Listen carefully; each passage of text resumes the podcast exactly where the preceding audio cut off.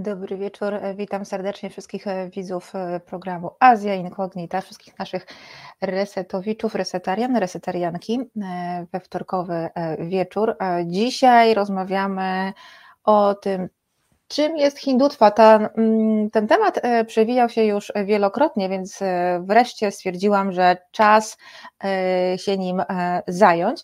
Jestem dzisiaj z Wami w towarzystwie Marcina, który realizuje program. Bardzo Ci dziękuję, Marcin, że jesteś z nami dzisiaj, tak nietypowo we wtorek. Marek Małkowicz jest producentem programu, a bardzo dziękujemy Panie Marku za wsparcie. Mm, każdy, kto też chce E, wesprzeć Reset Obywatelski, no to zapewne tutaj zaraz na dole pode mną Marcin wyświetli, mm, e, o właśnie, no i już wiemy, wiecie jak e, można nas też wesprzeć i zostać producentem programu.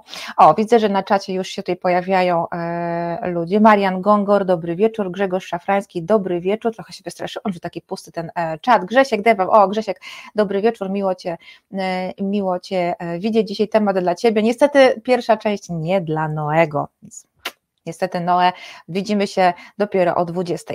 E, dobry wieczór, przyda się trochę indyjskiego słońca w naszej ponurej rzeczywistości. Rzeczywiście, rzeczywistość jest e, ponura.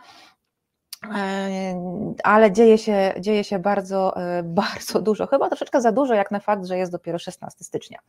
E, dobrze, dzisiaj, e, jeżeli Indie, mm, jeżeli Hindutwa, no to oczywiście mm, Krzysiek Gutowski, dobrze znany widzom Azja Incognita. Ostatnio obliczyliśmy nawet.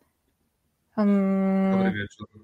Cześć Krzysiu, Krzysztof Gutowski, orientalista, indolog, żeby było jasne, indolog i religioznawca z Instytutu Kultur Śródziemnomorskich i Orientalnych Polskiej Akademii Nauk. Witam Cię serdecznie. Witam, witam, dobry wieczór. Obliczaliśmy ostatnio, e, ile razy byłeś w Azji Siedem. Siedem. Znaczy już teraz piętnasty raz. Siedem w 22, siedem w 23 i zaczynamy trzeci sezon. No i bardzo dobrze, zaczynamy trzeci sezon, trzeci sezon e, e, wspólnie. E, dzisiaj mówimy o filmie. Nie widziałam pewnego filmu, ty też Grześ Krzysiu, nie widziałeś filmu Anna Purani mm, w serwisie Netflix e, i widzowie nasi też go nie zobaczą, ponieważ e, Netflix e, stwierdził, że film wycofa dosłownie po mm, kilku dniach od premiery. Anna Purani, królowa jedzenia, taki jest e, tytuł e, pełny tego filmu. To jest film e, tamilski mm, i nie spodobał się tak zwanym twardogłowym, hinduskim twardogłowym. Ujmijmy to w taki sposób. Ranił uczucia religijne.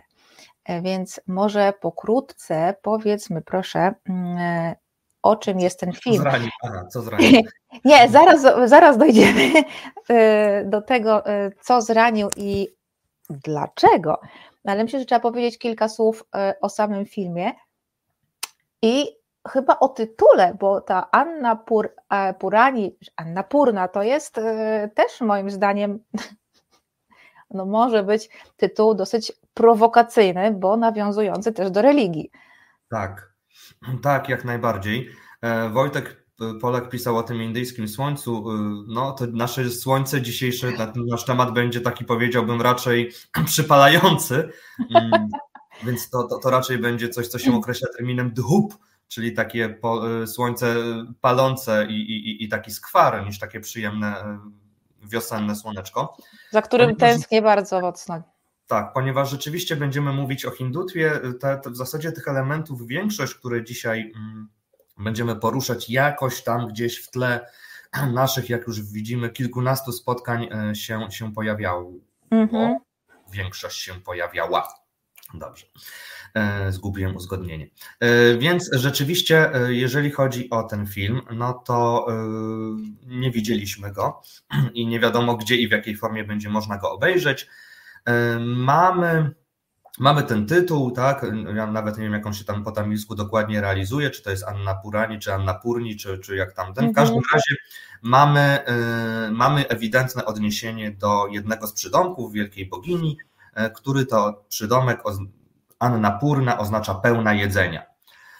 I sam ten termin, rzeczywiście ten tytuł jest bardzo prowokacyjny, odnosi się do pewnej historii mitycznej, którą nie jestem pewien, czy dobrze pamiętam, ale w razie czego będziemy rekonstruować razem, ponieważ rzeczywiście jest to termin określający boginię, tak? Mahadevi, wielką boginię, w jej aspekcie tej, która karmi, która karmi świat, która daje pożywienie, która umożliwia e, trwanie, wzrost e, całej, całej rzeczywistości. Oczywiście mamy też taką górę, ona jest chyba w Nepalu, na terenie Nepalu chyba jest. Tak, tak mi się wydaje. Wiesz co, mhm. jak nie, jak nie wiadomo o co chodzi w micie, to yy, chodzi o to, że facet yy, schrzanił sprawę. Tak, w, te, w tej grupie mitów tak. tak, ponieważ ten mit wpisuje się w tradycję siaktycką, czyli tę tradycję, która rzeczywiście boginię stawia w centrum i to boginię uznaje za tą, za tą formę absolutu z przejawami, tak? czyli, czyli nie taki absolut nieopisywalny, ale jak już go trzeba opisać, no to niektóre tradycje w Indiach biorą sobie Wisznu, inne Siwę, inne boginię. E, I rzeczywiście w tej tradycji mamy, mamy e, sprzeczkę, kłótnię między, między Siwą e, a jego małżonką, ponieważ Siwa uznaje, że no on się zajmuje ważnymi rzeczami, ponieważ odpowiada za rozwój duchowy, odpowiada za praktykę jogi, za ascezę i że bez wątpienia tej jego mm, tej jego zachowania, tak, czy ta, ta, jego przestrzeń odpowiedzialności jest istotniejsza niż jakieś przyziemne sprawy, no i e, wtedy e, bogini znika, tak? To znaczy znika łącznie z całym jadłem na ziemi, które również uniemożliwia praktykę e, zwolennikom siwy, tym jego otaczającym go bytom, jak i w końcu samemu siwie. Jeśli dobrze pamiętam, on wyrusza na poszukiwania tak?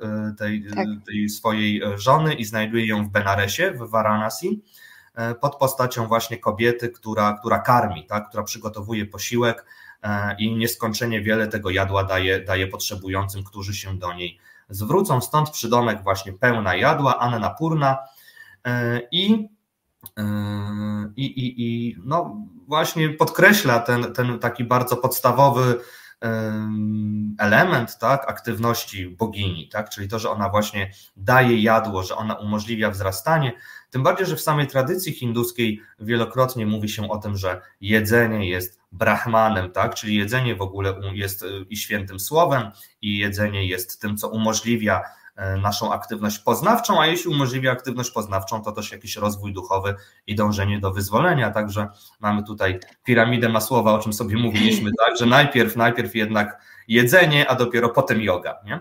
No właśnie w, w literaturze bengalskiej, która uwielbia mm, dotykać y, takiego zwykłego życia y, Siwy i y, Parvati, bo w tym, w tym przypadku akurat chodziło o Parvati, mm, to są piękne opisy, jak po prostu Siwa tym, jak się e, włóczył po tych polach kremacji, przyszedł cały wymazany e, popiołem, e, śmierdzący, obrzydliwy, brzydki i znowu nie przyniósł nic do jedzenia, a no nie było w domu, w lodówce było pusto, tak? tylko światło było. I, i właśnie Parvati była wściekła, wygoniła go, mm, wygoniła go z domu, sama właśnie zniknęła z całym jedzeniem świata. To kocham w literaturze bengalskiej, że ona się zajmuje właśnie takim życiem małżeńskim bardzo specyficznym życiem małżeńskim, jeśli chodzi o mm, e, Siwę i e, Parvati. Tej Grzesiek Dewan pisze, hindutwa to brzmi jak jakieś wulgarne słowo, jak mnie ktoś wkurzy, to powiem do niego, ale z ciebie hindutwa. To w sumie będzie pasowało. No. E, czy Agata też planowałam obejrzeć film Anna Purani? Cieszę się, że chociaż o nim od Państwa posłucham. No właśnie, to trochę dziwne mówić o filmie, którego nie widzieliśmy, no ale mm, Netflixie, nie idź tą drogą to co w tym filmie jest? No właśnie. No właśnie, co w tym filmie jest? Y, z tego co wiemy, tak, głównym, głównym motywem filmu, główna e, tutaj, główna linia fabularna e, związana jest z bohaterką, która to bohaterka e, pochodzi z rodziny bramińskiej, czyli zaraz sobie dojdziemy do tego, dlaczego to jest ważne. Pochodzi z rodziny bramińskiej, z tego co wiem, to chyba jej ojciec jest w ogóle kucharzem świątynnym, Mhm. E, I e, ona decyduje się rozwijać jako kucharka, e, rozwijać się właśnie w sferze kulinarnej, również gdzieś tam zawodowo, również jakby jako, jako element jej, jej tutaj życia zawodowego i To jest, to jest istotne. No i w związku z tym decyduje się właśnie na taką, a nie inną karierę. Jednocześnie jest przy tym zmuszona, a przynajmniej nie przeszkadza jej to, żeby przygotowywać posiłki mięsne. Mm-hmm. I to jest, chyba, to jest chyba tutaj kwintesencja tego problemu. Jeszcze mamy takie, taki element, który, do którego też wrócimy bez wątpienia, yy, który też się pojawia w filmie i który odnosi się do takich aluzji, nie do końca wiemy w jaki sposób wypowiedzianych, ale na pewno skrzętnie odnotowanych przez widzów, aluzji do tego, że Bóg Rama, e, mityczny książę Rama, będący jedną z inkarnacji, jednym ze stąpień Boga Wisznu, e, spożywał mięso. I to jest właśnie ten podstawowy e, jakby zrąb fabular, zręb fabularny, i film został oprotestowany. Został oprotestowany właśnie pod pretekstem obrazy e, uczuć religijnych, uderzenia w religię hinduską, w system wartości hinduski i w związku z tym e, no, Netflix zdjął go z platformy i Z Productions chyba, tak, studio, studio Z, związane też z takim dużym kanałem telewizyjnym, które było chyba nie w całości, ale jakoś tam przynajmniej w większości odpowiedzialne za produkcję, też wystosowało takie przeprosiny mówiące o tym, że e, mówiące o tym, że no właśnie nie chcieli obrażać e, uczuć religijnych Hindusów i społeczności bramińskiej. Tak? Jest, to, jest to tam bardzo wyraźnie podkreślone, nie? więc to jest ten taki, powiedziałbym, chyba punkt e, zaczepny, tak? punkt -hmm. zaczepienia dla, dla samego aktu zaskarżenia, e, no, który, który został zrealizowany w Indiach, jak widać, miał też wpływ na, mm, na platformę Netflix, która nie wiem jak w tym przypadku, czy jak, jak to dokładnie tam prawnie wygląda. E, domyślam się, że ona nie podlega bezpośrednio skarżeniu indyjskiemu, chociaż możliwe, że no to, co jest wyświetlane w Indiach, jest jakoś prawnie związane, to trzeba by się zastanowić. Ale no, myślę, że sam oddźwięk społeczny i, i tutaj e, fakt, że przed siedzibą Netflixa indyjskiego w Mumbaiu e, były bardzo obfite protesty mm, bojówek, młodzieżówek e, różnych organizacji nacjonalistycznych hinduskich, no miało, miało też wpływ. Poza tym Netflix jest olbrzymim odbiorcą tak, jest bardzo ważną platformą, w zasadzie współcześnie najważniejszą w Indiach, to znaczy mm-hmm. bardzo dużo produkuje na rynek indyjski, bardzo dużo wyświetla mm, na, na, na potrzeby indyjskie, więc jakikolwiek ryzyko odpływu e, subskrypcji myślę, że e, wpłynęło na to, że, że, że jednak podjęto taką decyzję, żeby ten film z platformy usunąć. E, bo właśnie ja sobie tak przypomniałam, że w grudniu zeszłego roku były też wielkie protesty mm, w kontekście filmu Netflixa. Chodzi mi o film Farha, o którym ja e, mówiłam. To jest film jordański, który nawiązuje do mm, Nagby, e, nie tej obecnej, bo tak nazywają też Arabowie to, co się dzieje w strefie mm, gazy, ale tej z lat 40 z 1948 roku. Mm, i tam z kolei e, Izrael bardzo mocno e, protestował, e, a Netflix nic, no po prostu wrzucił, wrzucił film bardzo mocno właśnie już oprotestowany przez Izrael, zakupił i wrzucił do siebie mm, do, do streamingu, także mm, Ciekawe właśnie jest to, jak silny jest odbiorca w Indiach, a widocznie jak mniej istotny, przepraszam mówiąc brutalnie. Jest blisko wschodni, nie? Że, że, że jednak o zupełnie innych pieniądzach y, wpływających tutaj. Do, izraelski konkretnie, no bo Bliski Wschód był w tym momencie był to, tak, więc Izrael, tak, tak, mhm. Ale jednak jest, jest różnica. Wojtek Polak pyta, czy w Indiach też jak u nas szefami kuchni są najczęściej faceci, czy w tym filmie jest również takie tło. Nie wiemy, czy takie tło, bo nie widzieliśmy tego filmu, Wojtek, to jest, to jest kretynizm, bo ja, nie, ja jako filmoznawczyni no, mówię o filmie, którego nie widziałam, to jest dramat, a co do szefów kuchni, no to tak. No. Z tym, że to po pierwsze jest taki trend, myślę, że ogólnoświatowy, w sensie mm -hmm. to jest pewna tendencja, plus w Indiach pamiętajmy o tym, że nadal w większości yy, branży, tak, jednak te proporcje pracujących kobiet, pracujących mężczyzn są po prostu, po prostu mniejsze, nie? więc w Indiach Dokładnie. w ogóle więcej facetów pracuje niż, niż, niż tak. kobiet. Tak. I, I gdy widzimy na przykład, nie wiem, jakieś restauracje, czy e, w ogóle restauracje w Indiach, kelnerów w Indiach, jakieś um, takie bardziej street foodowe, tak, jedzenie uliczne, no to, to, to wszędzie są mężczyźni, tam, tam kobiety nie pracują. Nie? Dokładnie. No dobrze, to w takim razie powiedzmy o roli i pozycji społecznej braminów i mm, tej kwestii rytualnej czystości, bo to jest punkt wyjścia do w ogóle do rozmowy o bojkocie czy też proteście wobec tego filmu. Tak, musimy właśnie o tym pamiętać i pewnie kilka, kilkukrotnie to wybrzmi e, w czasie naszej rozmowy, że mówimy o, mm, o bardzo konkretnej grupie, która ma e, problem z tym filmem, pewnie częścią tej grupy, która ma problem. Nie sądzę, że wszystkich braminów tak straszliwie to obchodzi. I też osób, które do e, jakby mm, do ideologii związanej z tą grupą będą się odnosić. Tak? A zatem mamy braminów. Mm.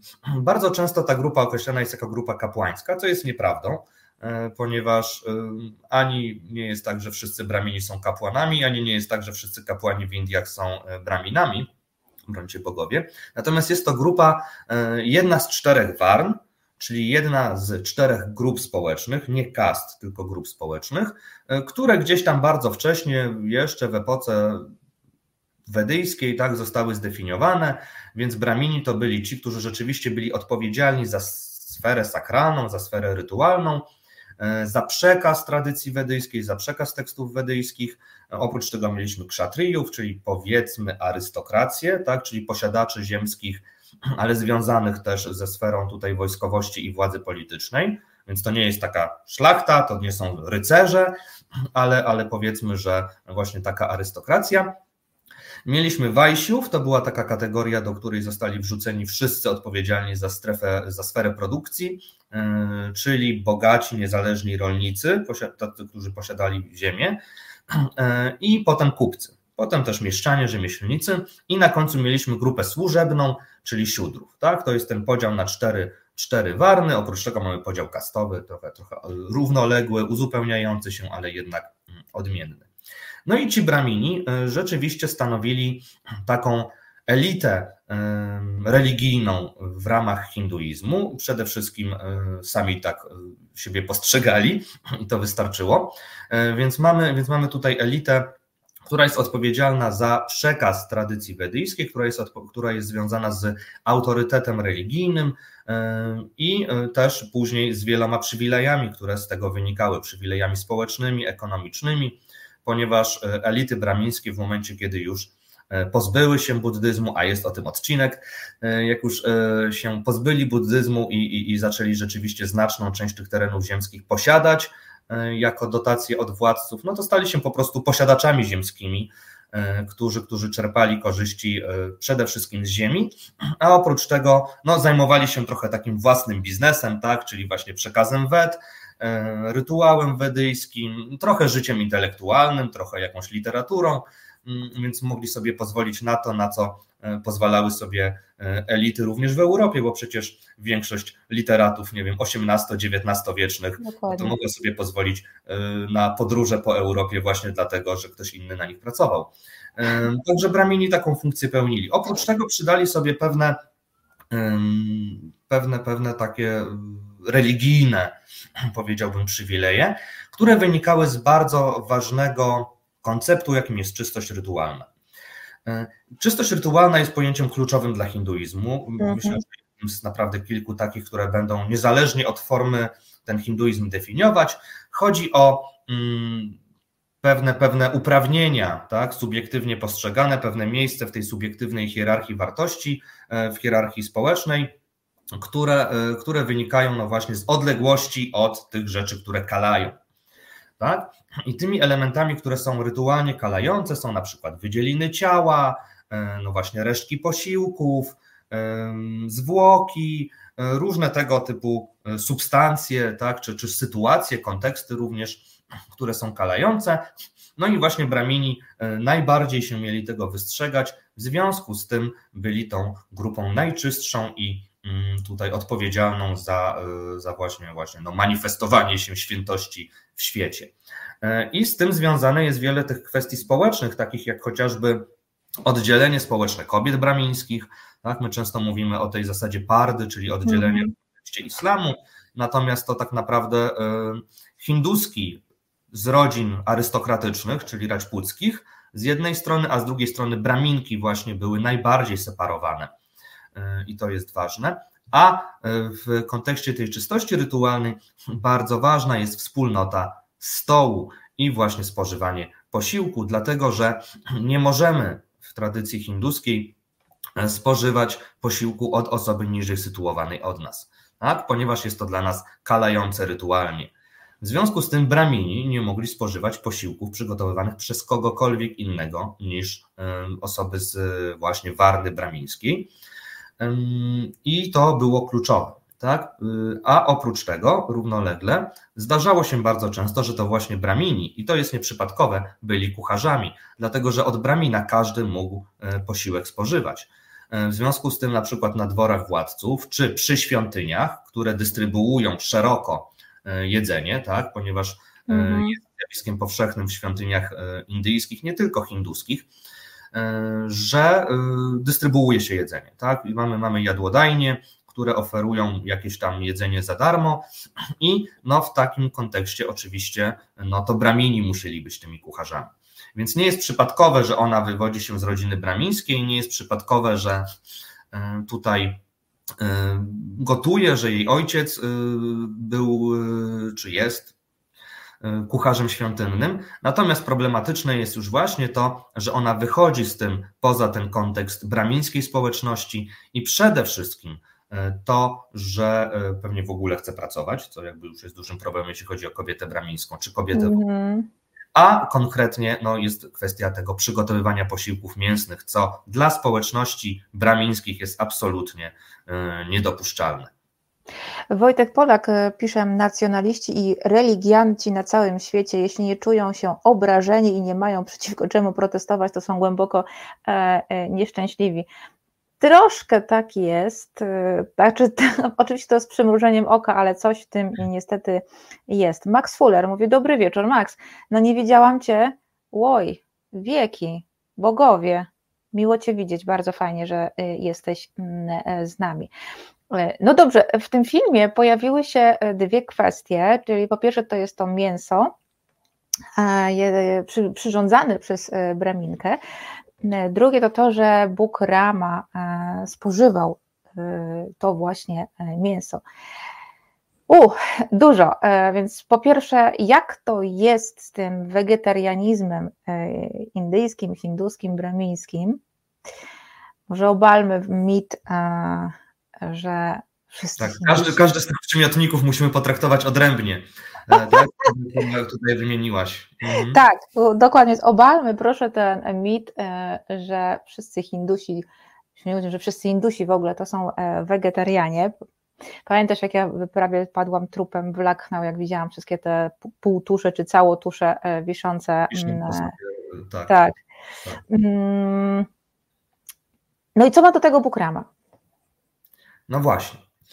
E, ona przygotowuje mięso i tutaj dochodzi jeszcze jeden element, e, ponieważ ona, e, tam podobno była scena, że ona się modli przed przygotowywaniem tego mięsa. I ona się modli w sposób muzułmański. Ona odmawia nazm.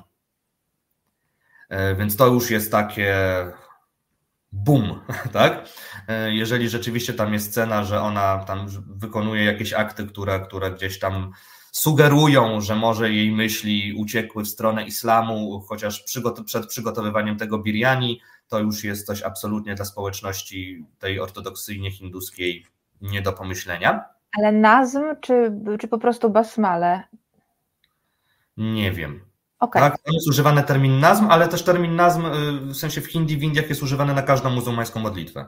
Okay. W sensie, tak, się, tak y, która, y, nie no, bo nazm to jest jedna z pięciu, to bez sensu nie? Bo nazwa to jest ta y, obowiązkowa mhm. ten. No może rzeczywiście w Chinach. No może bardziej jest... forma duły, tak? Że, że, że jakiejś takiej modlitwy błogosławiącej. Hmm. Bo to wy, tylko wyjaśnijmy widzom, że może to być, ale tutaj tylko snujemy domysły, tak jak powiedzieliśmy, rozmawiamy o filmie, którego nie widzieliśmy.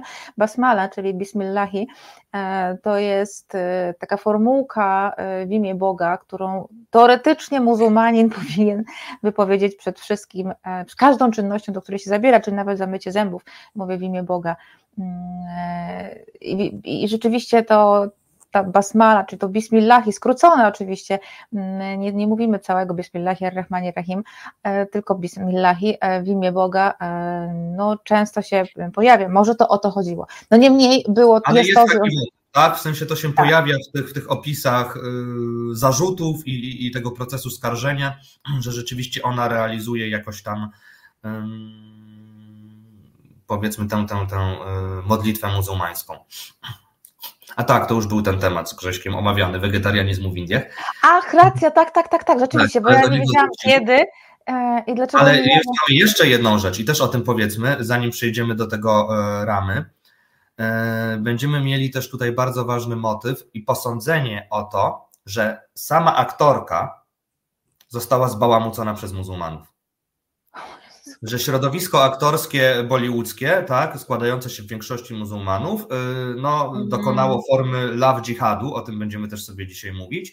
Y, I, i, I tutaj namieszało w głowie aktorki, że ona w ogóle zgodziła się i skalała y, się taką rolą. Więc tutaj będziemy mieli jeszcze takie, takie tutaj element teorii spiskowych mm, związanych z hindutwą. Natomiast dobra, z tym wegetarianizmem. Mhm z wegetarianizmem indyjskim, hinduskim i bramińskim. Tak? Absolutnie czegoś takiego jak wegetarianizm indyjski nie mamy, e, ponieważ no, osoby wyznające różne, różne religie w Indiach mogą sobie bardzo różnie z tym e, wegetarianizmem radzić lub nie radzić. E, nie jest on obowiązkowy w zasadzie w żadnej religii, z wyjątkiem dżinizmu ponieważ mhm. rzeczywiście w dżinizmie no, jest to bardzo, bardzo mocno zauważalne. Natomiast zarówno buddyzm w tych formach, które obecnie w Indiach funkcjonują, jak i sam hinduizm absolutnie nie zakłada z definicji, e, że, że, że nie można spożywać mięsa. Więc to jest pierwsza sprawa. E, dlaczego w ramach hinduizmu jest to istotne? Ten wegetarianizm, hinduizm trochę przejął od buddyzmu, najprawdopodobniej, ale to już jest y, sprawa odmienna i też jest związany z tą kwestią czystości rytualnej, ponieważ zwłoki są nieczyste rytualnie, więc również mięso jest nieczyste rytualnie. To jest pierwsza sprawa. E, druga sprawa jest taka, że według tradycyjnej e, medycyny indyjskiej, nie tylko ajurwedy, ale całego zespołu tego, tej, tej, tej, tych tradycji medycznych, e, mięso jest bardzo ciężkie energetycznie, tak? jest tamasowe albo radziasowe. No w każdym razie jest nie tym optymalnym tak, charakterem posiłku naznaczone. W związku z tym jego jedzenie nie jest zdrowe, a na pewno w nadmiarze. I w związku z tym, że właśnie te elity bramińskie najmocniej do tego wegetarianizmu jakoś, jakoś tutaj przywarły w swojej praktyce życiowej, no to bardzo wiele innych grup społecznych, które aspirowały do wysokiego statusu społecznego, również ten wegetarianizm wprowadziła. Yy, I jednym z elementów właśnie takiego awansu grupowego społecznego było to, że grupy decydowały się na jakąś formę wegetarianizmu, weganizmu, yy, czy chociażby ograniczenia na przykład tego kontekstu, e, tego, tego spożywania w różnych kontekstach. E, no więc tak to wygląda. Im wyżej w hierarchii kastowej, tym jest większe prawdopodobieństwo, że będziemy mieli do czynienia z wegetarianami. Natomiast wcale nie oznacza to, że, e, że właśnie wszyscy Hindusi będą tego mięsa unikać.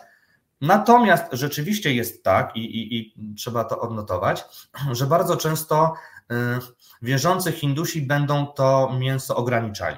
Mhm. Będą go jedli stosunkowo mało, na przykład nie będą go przygotowywali w domach, tak? czyli na przykład kobiety hinduskie nie będą przygotowywały takiego posiłku w domu, żeby nie kalać rytualnie domu, plus i tak dalej, i tak dalej. Y, natomiast będzie, nie będzie problemu, żeby na przykład gdzieś tam na mieście czy, czy, czy na weselu sobie, sobie zjeść y, mięso. Więc y, zatem no, tak, tak to wygląda, nie? Że, że często ten wegetarianizm będzie taki chwilowy, albo w okresie świątecznym, albo będzie właśnie post od mięsa w niektóre dni. To też zależy na przykład chyba od, y, znaczy nie chyba, tylko od położenia, że tak powiem, geograficznego. No w, moim, w moim Bengalu stanie położonym nad Zatoką Bengalską e, je się na przykład ryby, je się e, ryby. I no ryby bo... to nie mięso. Of course. No. E, wiesz, że bramini, bramini bengalscy jedzą ryby na przykład. No bo jak się je, leży nad zatoką, no to trudno nie jeść No nie jeść owoców, tak? Owoców rzeki. Tak to wygląda. No, no zresztą z, z inne grupy bramińskie się zawsze dlatego śmiały z braminów bengalskich, że oni są właśnie rybożerni, nie? Nawet był jakiś taki termin, że właśnie ten rybo, rybojady, że oni tacy są udawani wegetarianie, nie? Także Także no, to, to, to, to zależy. No i to też mhm. pamiętajmy o jednej rzeczy cały czas w kontekście tego wegetarianizmu w Indiach, e, że nawet jak się je mięso, to nie zawsze w Indiach się chce jeść mięso. Tak? E, to jest kwestia klimatyczna, to jest kwestia tego, że e, oczywiście mięso nie było historycznie bardzo dostępne. No, słuchajcie, w Polsce nie było dostępne, tak? W latach 50., 60., nie wiem, na polskich wsiach się jadło mięso dwa razy do roku, dosłownie. Mhm. Także, także nie ma tutaj co oczekiwać, że, że w Indiach po prostu, nie wiem, wszyscy się obżerali tym mięsem przez wieki, bo tak nie było. Także, także tutaj e, oczywiście mamy te posiłki mięsne, ale po pierwsze dostępność do mięsa i opłacalność zabijania zwierząt tylko po to, żeby je zjeść, była zapewne e, bardzo różna w Indiach. Po drugie, pamiętajmy o tym, że mięso e, w Indiach się bardzo ciężko przechowywało. No to się zmieniło teraz, jak mamy jakieś tam lodówki a i tak przy indyjskich blackoutach jest to mhm. niebezpieczna sprawa, ale no to, to, to nie jest tak, nie? że można sobie było zapeklować, yy, uwędzić i mogło sobie wisieć gdzieś tam yy, miesiącami przez zimę, yy, tylko to mięso po prostu czasami trzeba zjeść od razu, tak? Nie można sobie pozwolić nawet na to, żeby ono noc gdzieś tam sobie przeleżało. Mm, dlatego też to spożywanie mięsa było zawsze naznaczone w Indiach pewnym ryzykiem, y, czego przykładem jest chociażby Buddha, tak, który zmarł po zjedzeniu wieprzowiny. Y, ale mm, według tradycji.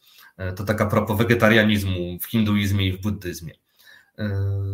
Czy Brahmini w Kaszmirze lub w Rajasthanie również jedli mięso? W Rajasthanie nie. W Kaszmirze tam jest jakiś troszkę problem z tym związany, bo tak. oni mają swoje odrębne tradycje i w ogóle w Kaszmirze je się najwięcej mięsa, w Indiach.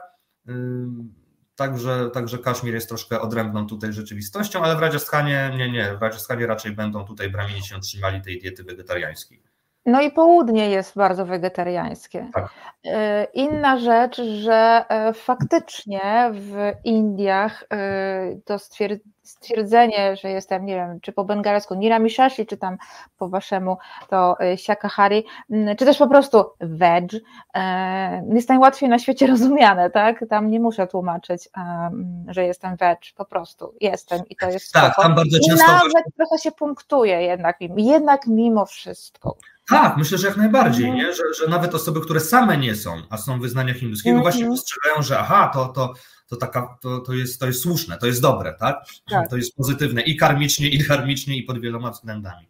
Także no Indie są w końcu takim miejscem, gdzie w menu zaznacza się, jak jest mięso. Tak? Dokładnie, a nie odwrotnie. Nie zaznacza się, że jest non-veg, a, a, a docelowo zakładamy, że tego mięsa tam może nie być, prawda? No dobrze, to przejdźmy po 34 minutach naszej rozmowy, przejdźmy. Rama. Słucham? Jeszcze dlaczego rama? Ach, rama. Boże, my nie dojdziemy do tej hindutwy, a ja jeszcze piosenkę muszę puścić. Mhm. No, e, no to bardzo króciutko powiedzmy sobie, tak, na temat ramy, że rama jest jedną z właśnie stąpień, jednym ze stąpień, jedną z awatar, awatarów, awatar mm, Boga Wisznu. E, jest to taka postać bardzo ważna. Ona też nam się tutaj przewijała kilkukrotnie E, ponieważ musimy pamiętać o tym, że e, Bóg Rama jest takim wzorem pod bardzo wieloma względami. Jest idealnym władcą, idealnym Hindusem, idealnym synem, idealnym mężem. O, no jasne, przepraszam, musiałam. Wiem. I rzeczywiście z perspektywy właśnie hinduizmu głównego nurtu, to, to ten Rama jest taką postacią naprawdę kluczową. I również w ramach tej ideologii, która jest ideologią tytułową dzisiaj e, i, i, i której wyjaśnieniu konsekwentnie, lecz powoli zmierzamy, e, właśnie Rama jest centralny. Tak? To znaczy w ramach hinduskiego nacjonalizmu właśnie to wyidealizowane, te wyidealizowane Indie za czasów panowania i obecności właśnie Ramy są, są tym punktem odniesienia dla, dla, dla propozycji społecznych, politycznych, które wprowadzane są obecnie, tak, czy które próbuje się wprowadzać. E, dlatego właśnie uderzenie w Boga Ramę jest takim bardzo dużym ciosem dla e, części społeczności hinduskiej. E, Inną sprawą jest właśnie kwestia chociażby w ogóle rzeczywiście spożywania tego mięsa historycznie i tak dalej, ale to nie będziemy sobie zaczynać, bo nigdy z tego nie wyjdziemy. Dokładnie. I tak pewnie nam to wyjdzie, mam nadzieję, przy, przy jednym takim podtemaciku dzisiaj. W każdym Dobra. razie, tym bardziej przywołanie postaci Ramy no, na pewno jest tym, co, co mogło rozsierdzić e, hinduską prawicę. Moje czytamy Grześka. Przepraszam. Co to znaczy, czy znamy? Czy znamy? Wiem, wiem że yoga Vasishtha istnieje. E, rzeczywiście jest to bardzo ważny tekst, e, tekst, który w tradycji jogicznej w Indiach jest absolutnie kluczowy. To jest taka wielka encyklopedia jogi, mm, o wiele częściej czytana i mająca o wiele większe przełożenie na, na, na to, jak yoga była praktykowana w Indiach przez wieki, niż chociażby yoga sutry. Także, także tak, to jest bardzo ważny tekst. To jest bardzo ważny tekst i jest. Tutaj Max Fuller, ja widzę, że zadałeś pytanie i ja y, konsekwentnie y, chwilowo je omijam, ale zaraz do niego przejdziemy, tylko chcę, żebyśmy wreszcie odpo odpowiedzieli sobie na pytanie, czym jest ta nieszczęsna hindutwa, bo przeciwko filmowi Anna Purani protestowały konkretne grupy Mm, społeczne związane z konkretną e, ideologią, która jest no, kluczowa, żeby zrozumieć e, Indie, współczesne, e, współczesne Indie. Nie wiem, to znaczy jesteście bardzo poczciwi. No, nie wiem, czy to tak. jest tak, że o ten, czy to taka jest ironia tak mocno ja, za, za... Ja nie wiem, czy w nas właśnie ktoś rzucił błotem, czy co, ale ja dzisiaj stałam o czwartej rano i ja jeszcze nie kontaktuję e, tak, jakbym powinna. No dobrze, więc czym jest ta e, e, nieszczęsna niestety hindutwa?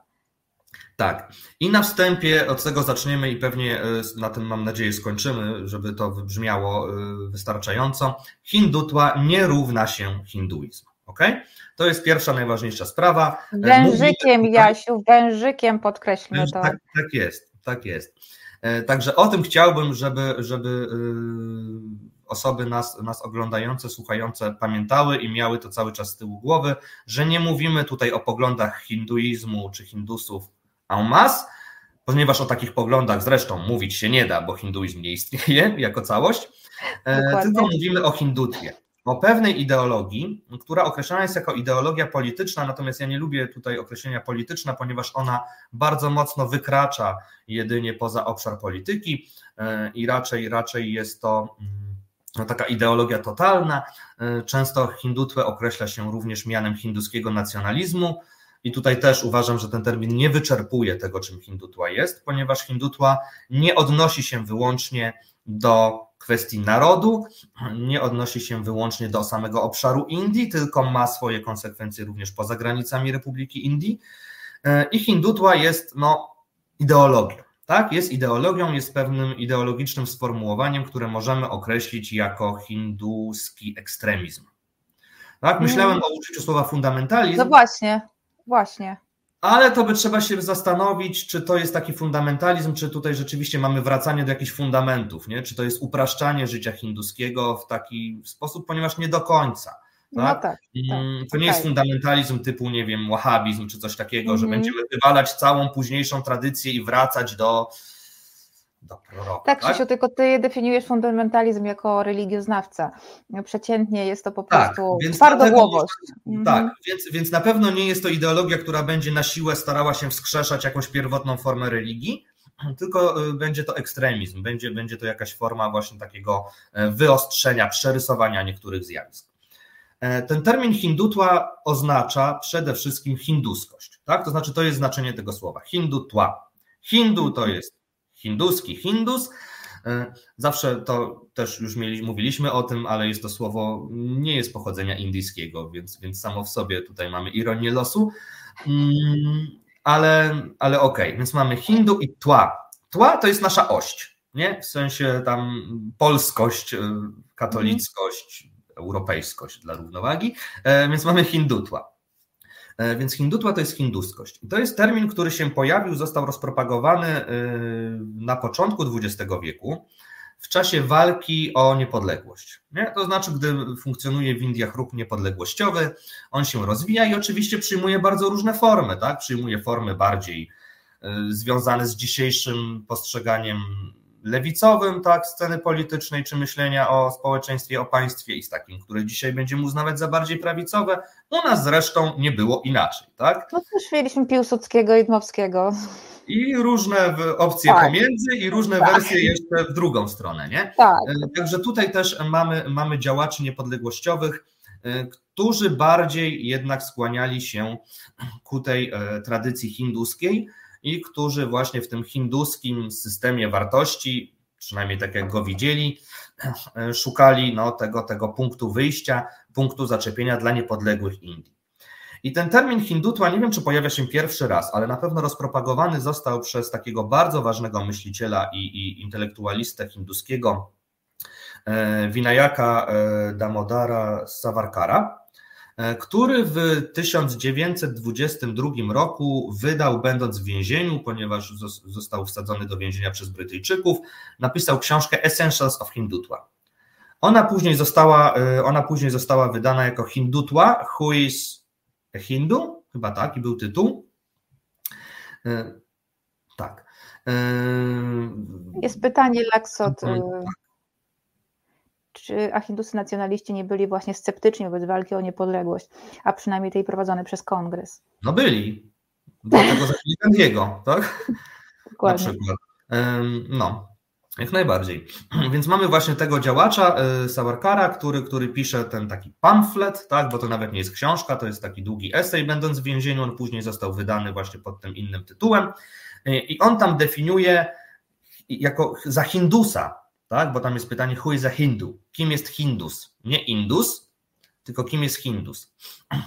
Hindus to będzie osoba, dla której Indie są zarówno ojczyzną, jak i ziemią świętą. Mhm. E, pierwsza sprawa, tak? To znaczy, który, dla którego, którego przodkowie pochodzą z Indii, w Indiach żyli, mieszkali i tak dalej. Więc to jest pierwszy element definiujący. Drugi element definiujący, który właśnie na tej ziemi widzi korzenie swojej religii. Tak? Co automatycznie odcina nam e, muzułmanów mm, i chrześcijan w Indiach. Tak? E, więc tutaj mamy właśnie definicję, która później będzie, będzie kluczowa, bo będziemy tutaj stawiać znak równości między wyznawcą hinduizmu, czyli Hindusem, a Indusem, czyli obywatelem, obywatelem Indii. Tak? Zatem, zatem e, hindutwa jest nie tylko nacjonalizmem, ale jest też formą ekstremizmu religijnego, jest też formą ideologii społecznej e, i tak dalej, i tak dalej. I od tego wywodzi się właśnie cała, e, cała ta ideologia hindutwy, która będzie dążyła do tego, żeby Indie były Hindurashtra, żeby były krajem hinduskim, tak? krajem, no właśnie. którym w którym mają żyć Hindusi i w którym mają obowiązywać zasady hinduizmu, rozumianego w bardzo określony sposób. No właśnie, teraz wracamy do pytania Maxa Fullera. E, jak widzi hindutwa inne religie i narodowości? Jakie inne religie? Nie ma innych religii. E, dobra, jak teraz zamiast e, przerwy chciałabym, znaczy nie, inaczej, zamiast przerwy muzycznej tradycyjnej, chciałabym, żebyśmy posłuchali piosenki, która wyjaśnia dokładnie, jak widzi hindutwa, inne religie i narodowości. Także Marcin, bardzo proszę, żebyś nam puścił um, tę e, piosenkę. Słuchasz Resetu Obywatelskiego. No i właśnie, mamy e, skoczną e, piosenkę z melodią e, wpadającą w ucho, trochę taki bollywoodzki styl i tekst, który jeży włosy na głowie i robi gęsią skórkę. Tak. Mm, Hindustan Hamarahe, Indie są nasze, chociaż tutaj właśnie mm, bardziej tutaj tego Hindustan niż Bharat. No tak, to tutaj jeszcze byliby jeszcze bardziej Aha. prawi od nich, tak, którzy tak. by jeszcze z tym mieli problem. Mm. A tam to słowo Hindustan pojawia się mm, w opozycji do Pakistanu, który jest w domyśle. Ładnie. E, powiedzmy tak, to nie jest najbardziej hardkorowa piosenka, jaka, jaka jest. Wiem. Są piosenki, w których w teledyskach na przykład, nie wiem, w, przerywa, w przerwie piosenki nagle jest pokazana scena z meczetu, gdy się E, modlą, e, tak, e, muzułmanie i na przykład tam właśnie, nie wiem, psy szczekają na nich, tak, mhm. i tak dalej, więc mamy dużo różnych innych takich elementów, są też piosenki, gdzie w ogóle się mówi wprost, że, że, że muzułmanie nie są ludźmi i tak dalej i one są i one są grane na wiecach. Natomiast tutaj mamy, mamy przede wszystkim odniesienie się do państwa, do państwa, do Hindustanu. Tak, ponieważ w tej piosence jest mowa o tym, że właśnie Indie muszą się budzić, więc tutaj mamy trochę o tym. Mamy odniesienie do bóstw hinduskich. Mowa jest o tym, że my jesteśmy wcieleniem Boga Siwy. Tak, tam było chyba Siwka Awatar mm, mhm. Ham. Co jest takie dosyć dla nas dziwne, no bo zaraz, zaraz to Vishnu ma awatary, a nie Shiva. Natomiast pamiętajmy o tym, że Shiva jest bogiem zniszczenia, jest bogiem, który jest związany z politycznym wyniszczaniem wrogów hinduizmu. Tak? To znaczy, mm-hmm. grupy ascetów siwaickich historycznie były związane na przykład z walką z buddyzmem. Także tutaj e, mamy, mamy też te, te tradycje, powiedziałbym, agresji nie tylko ideologicznej, ale bardzo realnej w stosunku do, do, do na przykład buddystów czy dżinistów. Mm, więc mamy to, no i mamy tam przede wszystkim w tym refrenie, tam jest, że my jesteśmy Hindusami, tak, e, Ham Hinduhe i e, Hindustan Hamarahe, tak, i w związku z tym Hindustan, czyli jest kraj nasz. Hindusów jest nasz, jest nasz, tak, nasz Hindusów, a nie, nie jest to powiedziałbym kraj India, tak, to nie są, to nie są Indie mm, należące do wszystkich obywateli, e, więc tutaj mamy to bardzo wyraźnie podkreślone. No i jeszcze pani Kawi e, ubrana w te całe w pomarańcz od stóp e, do szafran. głów. Pomarańcz. Przepraszam, no dobrze, szafran od stóp do głów. Szafran jest kolorem um, hinduizmu i też swego czasu Narendra Modi też pojawiał się, zanim przybrał form taki, przepraszam bardzo, um, entourage Rishiego, jest, chodzi cały na biało z tą długą brodą, to też miał taki etap chodzenia właśnie na szafranowo. Tak, tym bardziej, że ten termin, e, nie wiem, czy to po polsku się robi jako szafranizacja, ale, ale safronizacja, tak, saffronization e, jest tak. terminem bardzo często stosowanym właśnie wobec tej, tej takiej społecznej ekspansji ideologii hindutły. Prawda? Mhm. Więc yy, tak, no dobra, to w takim razie, y, jak już odpowiedzieliśmy tak muzycznie na pytanie Maxa Fullera i też właśnie chyba mhm. no, y, hindu disco określił to Grzesiek Dywan, trochę to pasuje. E, określane jest to jako hindutła pop. Tak, tak. Tak, tak. No mamy już taki termin, e, powiedziałbym, no, techniczny. Niedawno się, tak, tak. Niedawno się nawet ukazała książka o tym, muszę ją jakoś zdobyć. Nie wiem, kiedy ją przeczytam oczywiście, ale będzie. E, dobrze, to w takim razie... Mm, Jakie są cechy charakterystyczne tej ideologii hindutwy? Troszkę już sobie to o tym powiedzieliśmy, ale zbierzmy to w całość. Tak. Jak ona się realizuje w praktyce, w tym życiu e, społecznym i politycznym współczesnych Indii? Mhm. I tutaj sobie odpowiemy w takim razie, skoro odpowiedzieliśmy materiałem, to odpowiemy e, Maxowi również e, słowami, ponieważ ten stosunek do odmienności będzie rzeczywiście dla hindutwy bardzo ważny. Ponieważ hindutła to jest taka e, ideologia, mm, dla której kluczowy jest separatyzm. Tak? I separatyzm będziemy tutaj rozumieć nie jako chęć odłączenia się kraju Basków, e, albo Śląska, albo Kaszmiru, tak? tylko tutaj separatyzm rozumiemy jako ideologiczne założenie, że poszczególne grupy, zależy według jakich kryteriów będziemy sobie je dzielić, czy to językowe, czy religijne, czy kastowe, powinny być oddzielnie. I rzeczywiście ten separatyzm w hindutwie jest bardzo zauważalny, ponieważ ona bardzo wyraźną kreską będzie oddzielała wyznawców hinduizmu od wszystkich innych społeczności religijnych w Indiach. Tak? W związku z tym widzimy, że ta hindutła mm, ona może często y, nie mówić wprost, nie wiem, że te wyznawcy tych innych religii nie mogą sobie żyć, nie mogą funkcjonować i tak dalej, mhm. tak? tylko mają nie być w Indiach a przynajmniej mhm. mają nie mieć wpływu na Indię. E, właśnie na tym to polega, że Hindus, a w domyśle Indus, czyli mieszkaniec Indii, to jest ten, którego rodzice, znaczy tak, którego przodkowie są z Indii i którego religia wywodzi się z Indii. Jeżeli ten warunek nie jest spełniony, na przykład w, w, w, kontekście muzułmanów indyjskich, czy chrześcijan, czy Żydów, mm, no to już jest problem. To znaczy, że te osoby nie mogą być Indusami pełnoprawnymi, jest na to sposób, tak? Mogą wrócić do domu i mamy takie pojęcie gharvapsi, czyli powracanie do domu. I to jest gigantyczny wysiłek trwający już od wielu dekad różnych e, właśnie organizacji związanych z hindutwą, e, mający na celu rekonwersję. tak? czyli konwersję na hinduizm przede wszystkim muzułmanów, chrześcijan i części społeczności plemiennych. Tak? Więc mamy coś takiego. Oczywiście z przyczyn takich oczywistych, no, największą mniejszością w Indiach są muzułmani, więc to w tę mniejszość będzie e, przede wszystkim hindutwa uderzała. E, dlatego jako te cechy hindutwy możemy sobie wskazać ten separatyzm, właśnie mm, islamofobię szeroko, szeroko rozumianą.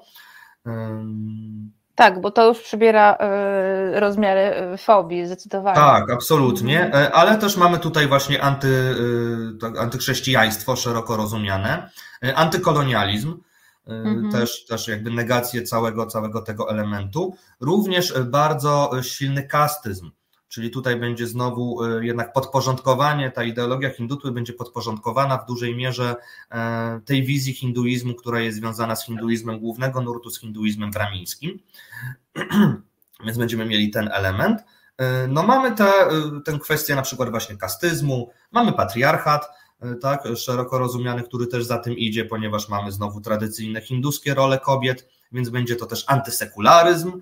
Mm. No, będzie za tym bardzo wiele elementów stało, również brak mm, wolności słowa na przykład, tak, czyli, czyli kwestie tutaj podstawowych praw, które będą inaczej rozumiane, ponieważ jeżeli to jest antysekularyzm, to również nie mogą istnieć e, na przykład media czy, czy, czy społeczności, które będą w negatywny sposób wypowiadały się o wartościach hinduskich.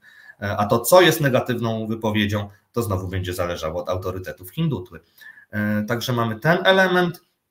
E, no to chyba takie podstawowe, podstawowe rzeczy, które możemy wskazać jako cechy, one potem będą miały przełożenie na to, jak to może sobie prawda, funkcjonować, ponieważ też mówiliśmy o tym wielokrotnie w programie, ta ideologia niesie za sobą na przykład pseudonaukę. Mm -hmm. Niesie za sobą pseudonaukę, rewizjonizm historyczny, czyli pisanie historii na nowo, uwzględnianie jakichś pseudonaukowych teorii w, w historii, jeżeli chodzi na przykład o migrację Ariów, jeżeli chodzi o tożsamość mm, mieszkańców cywilizacji Doliny Indusu, jeżeli chodzi o udział i znaczenie buddyzmu w Indiach, e, obecność w ogóle muzułmanów. Zatem te wszystkie komponenty, które nie wpisują się w tę narrację hinduską albo nie dają się przez tę narrację jakoś zawłaszczyć czy do niej włączyć, no są, są odrzucane. I albo są wprost krytykowane, albo są e, skazywane na milczenie, co robi się w podręcznikach szkolnych, po prostu usuwając e, bardzo wiele informacji na temat dziedzictwa indo, indomuzułmańskiego. I tutaj, e, czy Agata pyta, czy hindutwa dąży do totalitaryzmu? To jest bardzo ciekawe pytanie i wcale nie jednoznaczna odpowiedź, moim zdaniem.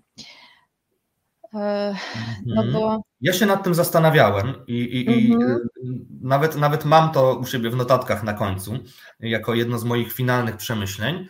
Mhm. Ja w ogóle myślę, tak mnie się wydaje, że hindutła jest docelowo, czy ona dąży do totalitaryzmu. Na pewno nie dąży do totalitaryzmu w takim rozumieniu, jaki my znamy totalitaryzm z czasów II wojny światowej. Dokładnie, to samo chciałam powiedzieć. Ale się, takiego totalitaryzmu poza Koreą Północną się nie, da obecnie wprowadzić. Nie, tak, mhm. nie da się.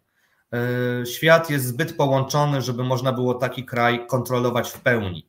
To naprawdę nie, no nie dałoby się. No, choćby nie wiem, co się zadziało, to nawet w przypadku e, czystek etnicznych ludobójstwa nie zabiją wszystkich muzułmanów, e, chrześcijan, hindusów, którzy się z nimi nie zgadzają. Zbyt duży obszar, żeby wprowadzić tak. totalitaryzm jako, jako system. Natomiast na pewno hindutła jest ideologią totalną. Tak? To znaczy jest taką ideologią, która chce wpływać na wszystkie y, obszary i sfery życia człowieka. Absolutnie. Tak? To znaczy nie ma sfery życia, y, w której hindutła by nie mówiła, jak powinno być. No, y, Dokładnie. oczywiście większość ideologii tak ma, natomiast w przypadku hindutły jest to, jest to rzeczywiście bardzo zauważalne zauważalne, tak? Więc y, myślę, że o tym, o tym y, warto, to warto podkreślić i do tego jeszcze pewnie jakoś wrócić. Y, to Wojtek Polak. Jak silna jest ta ideologia w kręgach rządzących czy armii? Czy ma ona wpływ na stosunki z innymi krajami? I, i do tego mieliśmy właśnie też e, e, przejść. Jest, e, jest bardzo silna, bo rząd BJP, rząd Narendry Modiego hindutwą stoi. Tak jest. Bo właśnie wracamy do tego, że hindutła nie reprezentuje całości hinduizmu, ale też hindutła realizuje się społecznie, politycznie w bardzo określonych y, instytucjach, w bardzo określonych czym? Instytucjach, nie instytucjach. Środowiskach też, tak? W związku z tym, w związku z tym mamy, y, mamy tak zwaną hinduską, jakąś skrajną prawicę, gdzie będziemy mieli bardzo wiele różnych grup związanych właśnie z hindutłą. Oni się, one się będą różnić między sobą szczegółami, natomiast rzeczywiście możemy wskazać sobie kilka takich, mm, takich bytów. Na pewno taką organizacją jest Wishwa y, Hindu Parishad, czyli co, powszechny powszechna Rada Hinduska, tak? taka Rada Wszechhinduska, żeby odnosić się do naszej rzeczywistości językowo-ideologicznej.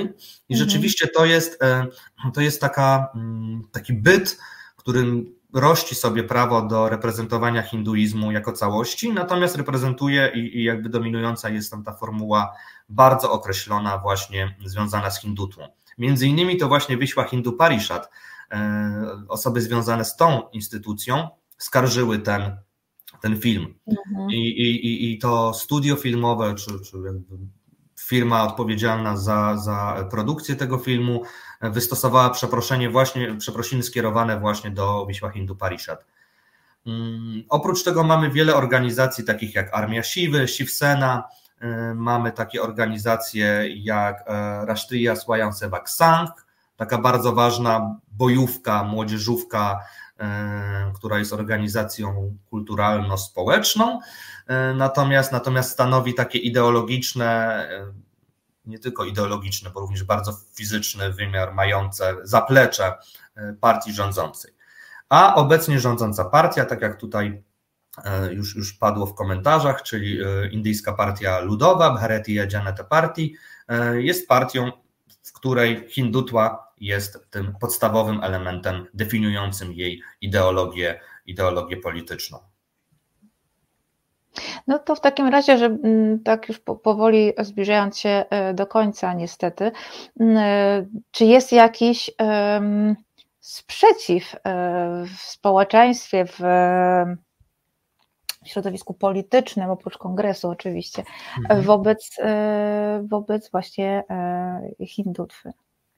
Okej. Okay. Mogę jeszcze dodać coś o tym stosunku do innych religii? A no pewnie, myślałam, Dobra. że skończyłeś.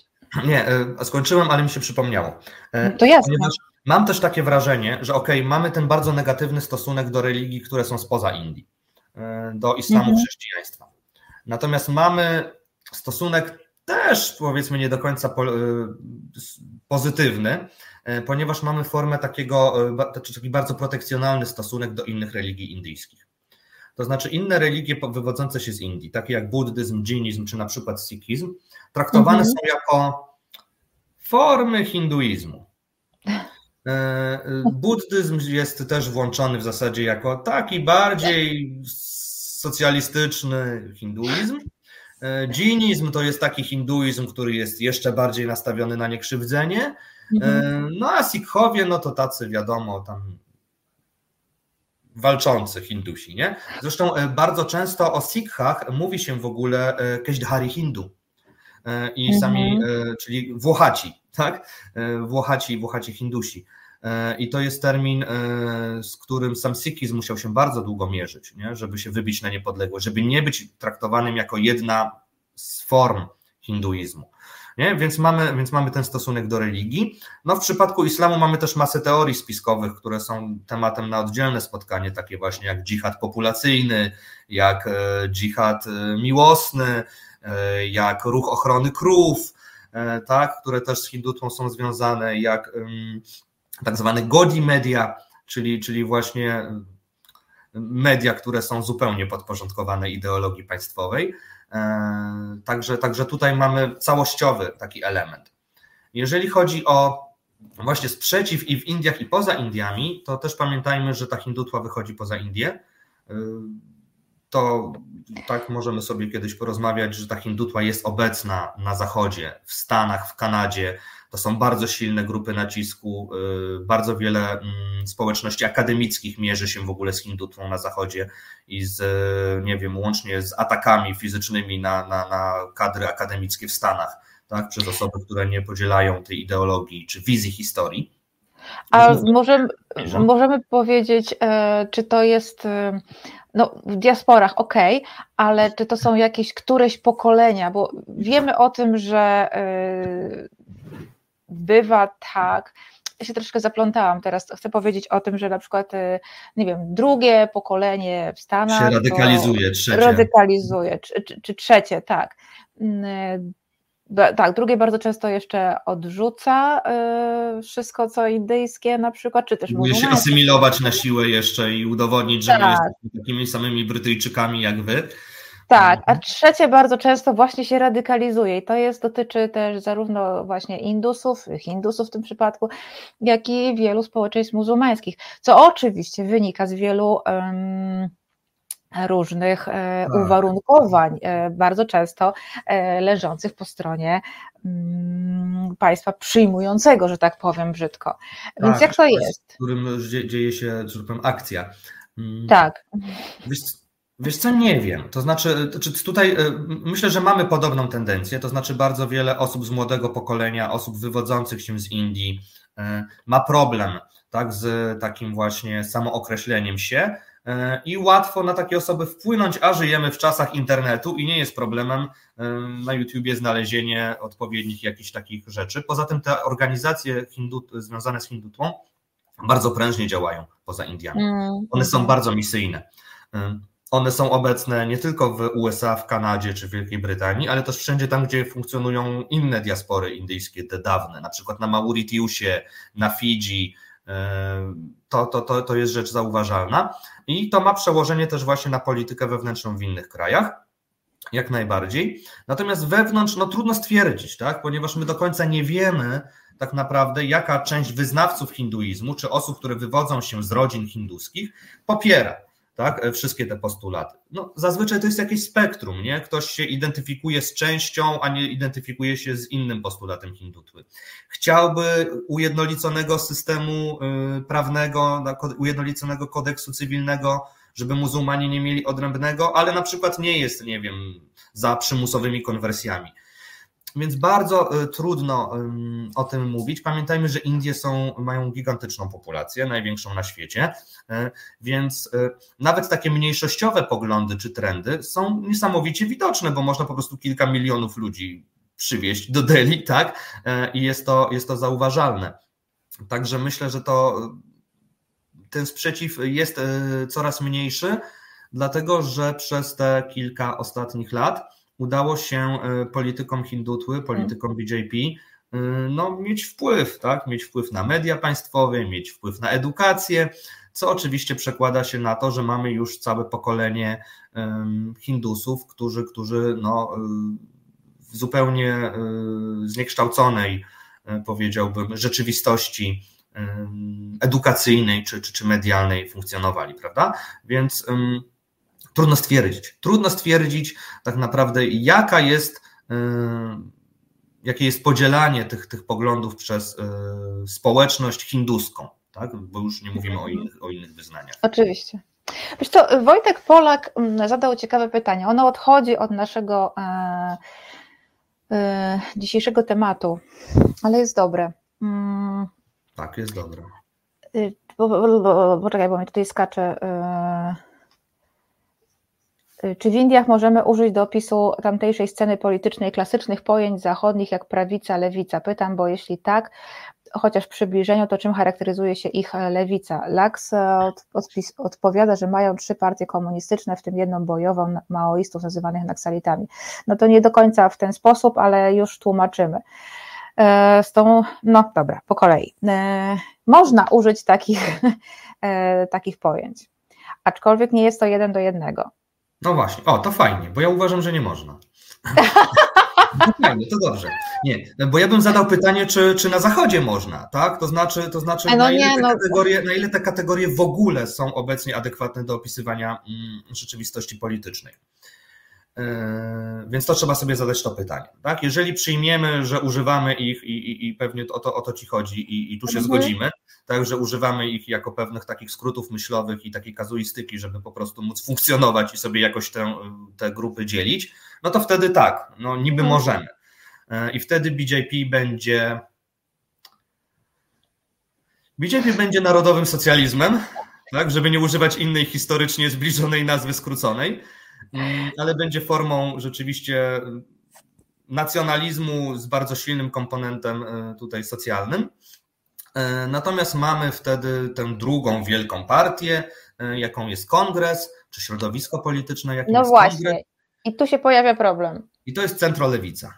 Mm, no tak, to jest, no można wiecie jaka to tak jest lewica? Wiecie jaka to jest lewica? To jest taka lewica, jaką lewicą był PPS Piłsudskiego. Okej, okay, dobra, no tak. No to, jest, to jest taka lewica, która nie jest, nie jest komunistyczna, mhm. to jest taka lewica, jaką jest na przykład socjaldemokracja niemiecka, Mhm. Tak, to, to jest właśnie taka, lewi, to, taka, taka socjaldemokracja, nie? że ważny jest na przykład liberalizm e, ekonomiczny, liberalizm, jakieś tam prawa indywidualne, tego typu rzeczy, e, ale, ale właśnie no, e, jest, jest na przykład podkreślany sekularyzm, czy, czy, czy właśnie ten komponent równościowy, wyrównywania szans w Indiach, który dotyczy zarówno kobiet, jak i osób niżej sytuowanych kastowo, Mhm. czy, czy społeczności plemiennych. Nie? Więc wtedy możemy tak zrobić. Tak jak tutaj też e, wspomniano, mamy oczywiście takie partie komunistyczne, które będą okay. rzeczywiście takimi komunistyczno-rewolucyjnymi, no ale one nie są realnymi siłami politycznymi tak na poziomie ogólnoindyjskim, panindyjskim. One są zakorzenione w, zwłaszcza w dwóch e, stanach, e, w dwóch regionach Indii. To jest Bengal Zachodni i to jest na przykład Kerala. Więc jeżeli jedziecie do Kerali czy do Bengalu Zachodniego, to nie, nie zdziwi was sierp i młot wymalowany, zwłaszcza w Kerali to jest widoczne, ten sierp i młot na płocie czy gdzieś tam na murku wymalowany, bo tak, no tak. E, gdy ja byłam kiedyś w Kolkacie w trakcie wyborów, no, w trakcie ostatnich e, wyborów, tych e, nie lokalnych, tylko e, federalnych, mm, no to rzeczywiście te, y, ta komunistyczna partia była widoczna na, na płotach, tak, czy na plakatach, na, no jak to się nazywa, chorągiewkach y, jakieś tam, to rzeczywiście była y, bardzo, bardzo widoczna. To jest rewolucyjny komunizm, ale to troszeczkę jest taki komunizm jak we współczesnych Chinach. Chiny są komunistyczne, tylko że to z tym komunizmem e, z pierwszej, y, z, po, z początku XX wieku, no ma już niewiele wspólnego, spójrzmy prawdzie w oczy. E, chiński komunizm to już w ogóle coraz mniej. Mm, I tak samo jest. Komunizm o chińskiej specyfice. Dokładnie tak, i chyba można też powiedzieć o komunizmie, o indyjskiej specyfice. Mhm. Faktycznie są e, te bojówki, to są naksalici, mm, e, no i to jest, można powiedzieć, taka hiperlewicowość, rzeczywiście, e, bo to są nazywane bojówkami maoistycznymi. I naksalici faktycznie upominają się o społeczności marginalizowane. Tutaj głównie chodzi o, w tej chwili o, o plemiona. E, oni są, oni działają bardzo mocno właśnie w tych regionach Indii, gdzie mm, jest problem na przykład wysiedlania e, plemion totalnie nielegalnego. To, co robi rząd BJP, to jest w ogóle jakiś dramat. I tutaj e, pomaga tym ludziom właśnie, pomagają no właśnie Naksalici. To dlatego myślę Arundhati Roy, no, przecież wybitna pisarka i myślicielka, e, jest tak bardzo naksalitami zafascynowana. E, ja tej fascynacji nie podzielam, bo jednak oni używają. No to jest częsta fascynacja lewicowych elit. Y, Dokładnie. w całym świecie, tak? Mm. Dokładnie. Ale oni używają e, metod no, niemalże terrorystycznych. Nie, terrorystycznych bardzo często. No to, to, to się nie, nie ten. Nie, jakoś Także... nie, nie, nie, nie, nie powstrzymuje. Także tak mniej więcej. E, rzeczywiście. O naksalitach, może ja bym tylko rzeczywiście dodał o tym e, socjalizmie, o indyjskiej specyfice. To się już kiedyś tam pojawiało. Też jestem pewien, że o tym rozmawialiśmy tutaj. Natomiast pamiętajmy o tym, że e, socjalizm czy komunizm w mhm. Indiach to jest zupełnie coś innego niż w Polsce. Chyba Dokładnie. mówiliśmy o tym kilkukrotnie, nie? U nas komunizm to jest rzeczywistość polityczna narzucona w wyniku Jałty, tak? I jest to w zasadzie forma zwierzchnictwa Związku tak, Sowieckiego nad nami. E, Dokładnie. Natomiast w Indiach y, socjalizm wynika z bardzo y, poważnych problemów, jakie Indie miały i mają nadal. Socjalizm jako ideologia w Indiach rozwijał się przede wszystkim w opozycji z jednej strony do kolonializmu, i to jest Dokładnie. naturalne, tak? Mm -hmm. więc tam socjalizm był bardzo mocno związany z ruchem niepodległościowym, zresztą tak jak u nas w Polsce, o czym się też zapomina, ale e, to jest jedna rzecz. A druga sprawa jest taka, że ten socjalizm jest związany z problemami wewnętrznymi indyjskimi, czyli właśnie z kwestią wieloreligijności, wieloetniczności, wielokastowości, nie wiem, problemu e, patriarchatu.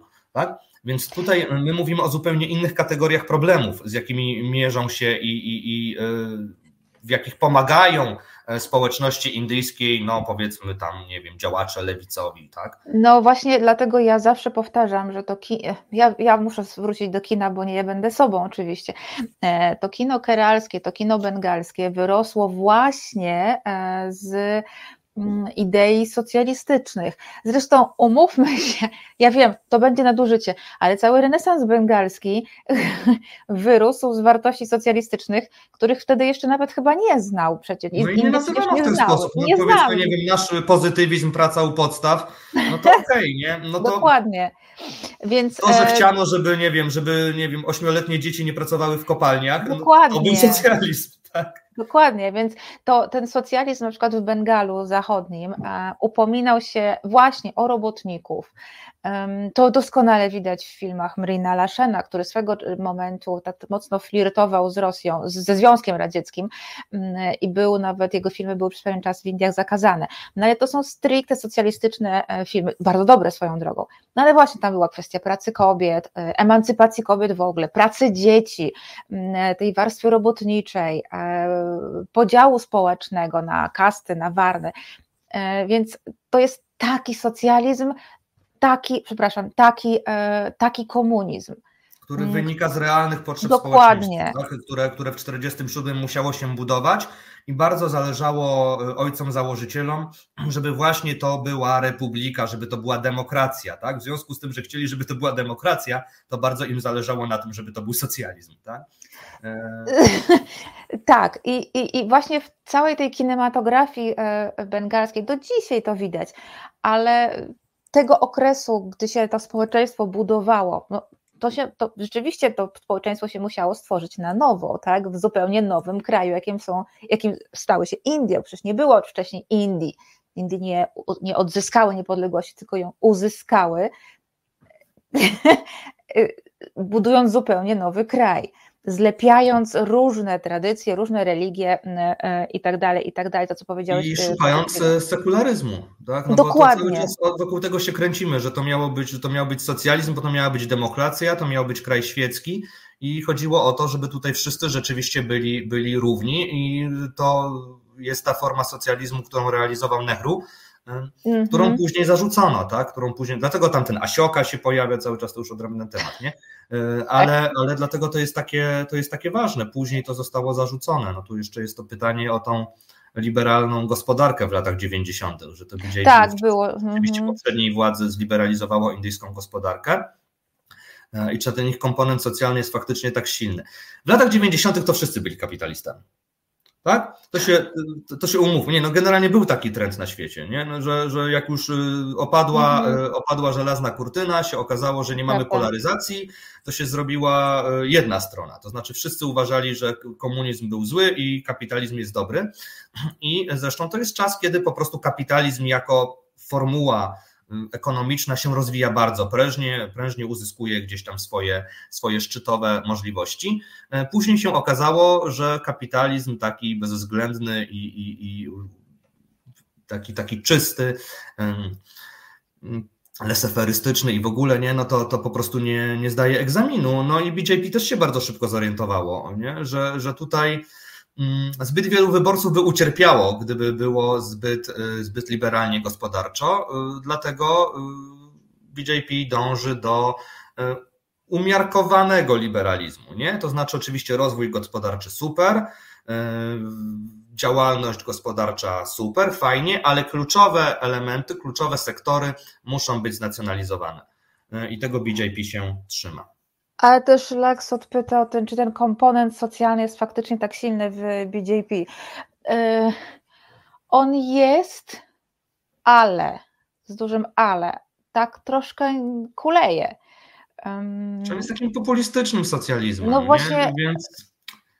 Tak, i, e, i mam wrażenie, że to jest takie troszeczkę gaszenie pożarów, gdy one wybuchają. Czyli mhm. jeżeli mhm. nagle pojawia się problem kwestii kobiet, no to e, BJP wprowadza jakieś tam programy e, dla kobiet, które okazuje się, że w ogóle um, nie działają. No to jest taki doraźnizm. Doraźnizm, dokładnie. Także z tą socjal... polityką socjalną, no to tak. Najgorsza jest. Poza tym są bardziej zasługujący na socjal i mniej zasługujący to. na socjal. Więc tutaj Otóż znowu to. BJP lawiruje, tak? Bo też pamiętajmy o tym, że BJP jest władzą centralną, ale mamy jeszcze poziom stanowy w Indiach, więc tutaj to jest bardzo skomplikowane, nie? że inaczej czasami w jakimś stanie trzeba zareagować i mówić coś innego w jednym stanie, niż mówi się do Indii jako ogółu. Y, także tutaj bywa, bywa z tym bardzo różnie. Dobra, to jeszcze musimy powoli kończyć, bo jeszcze muszę o Tajwanie powiedzieć. Chyba, że chcesz zostać Krzysiu ze mną porozmawiać o Tajwanie. O Tajwanie nie, aż tak to. Może. E, Max Fuller pyta, e, jaki mhm. wpływ na, ma ta ideologia na politykę zagraniczną partii rządzącej, czyli obecnych, e, obecnych Indii. Bangladesz to jedyny kraj południa, który potępił agresję Rosji, by the way. Nie. Wiem. Tak.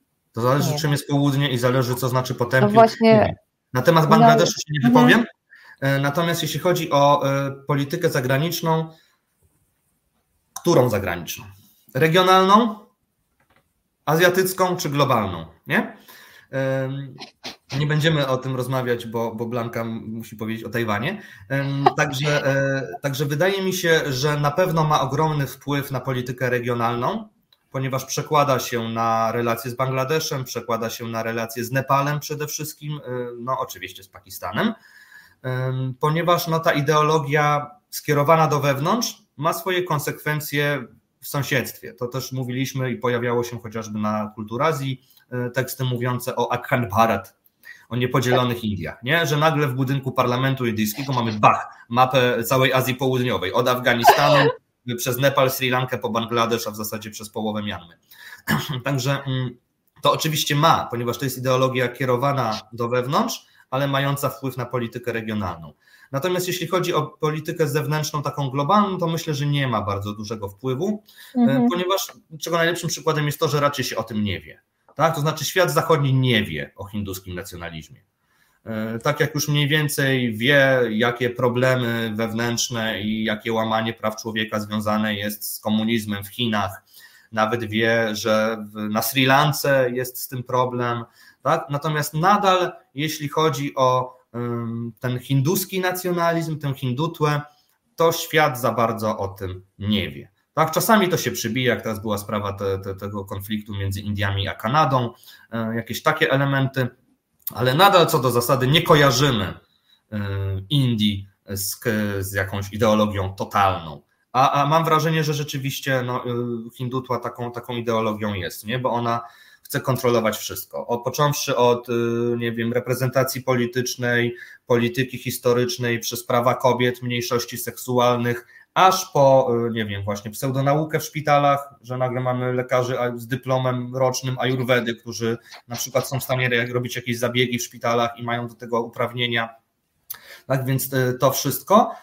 No aż po dostępność produktów spożywczych, nie? I tego, że na przykład w mhm. Indiach się nie dostanie wołowiny, nie?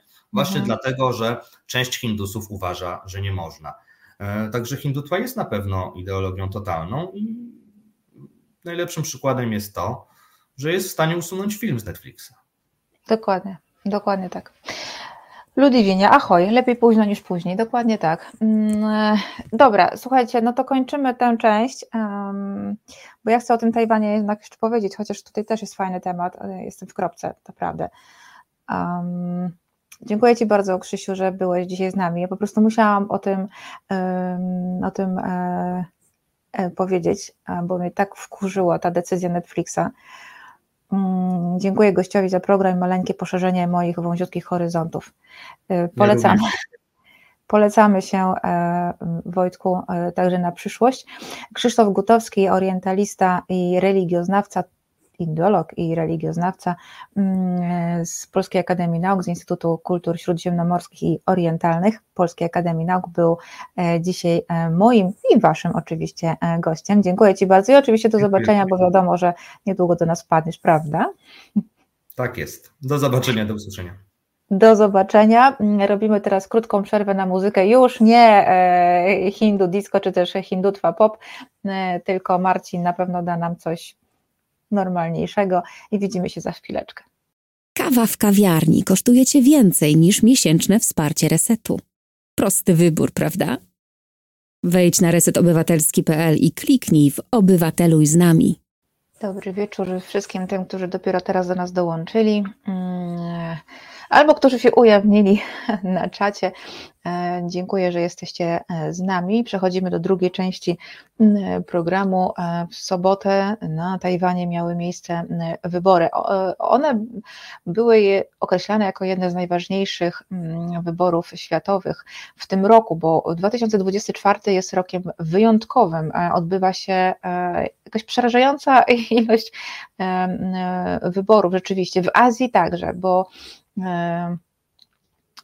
zaczął e, Bangladesz, zaraz potem Tajwan, czekają nas wybory w Pakistanie, w, w Indiach i jeszcze w kilku krajach azjatyckich. Pakistan w lutym albo w marcu, wiosną jakoś też Indie, ale jeszcze data nie wyznaczona.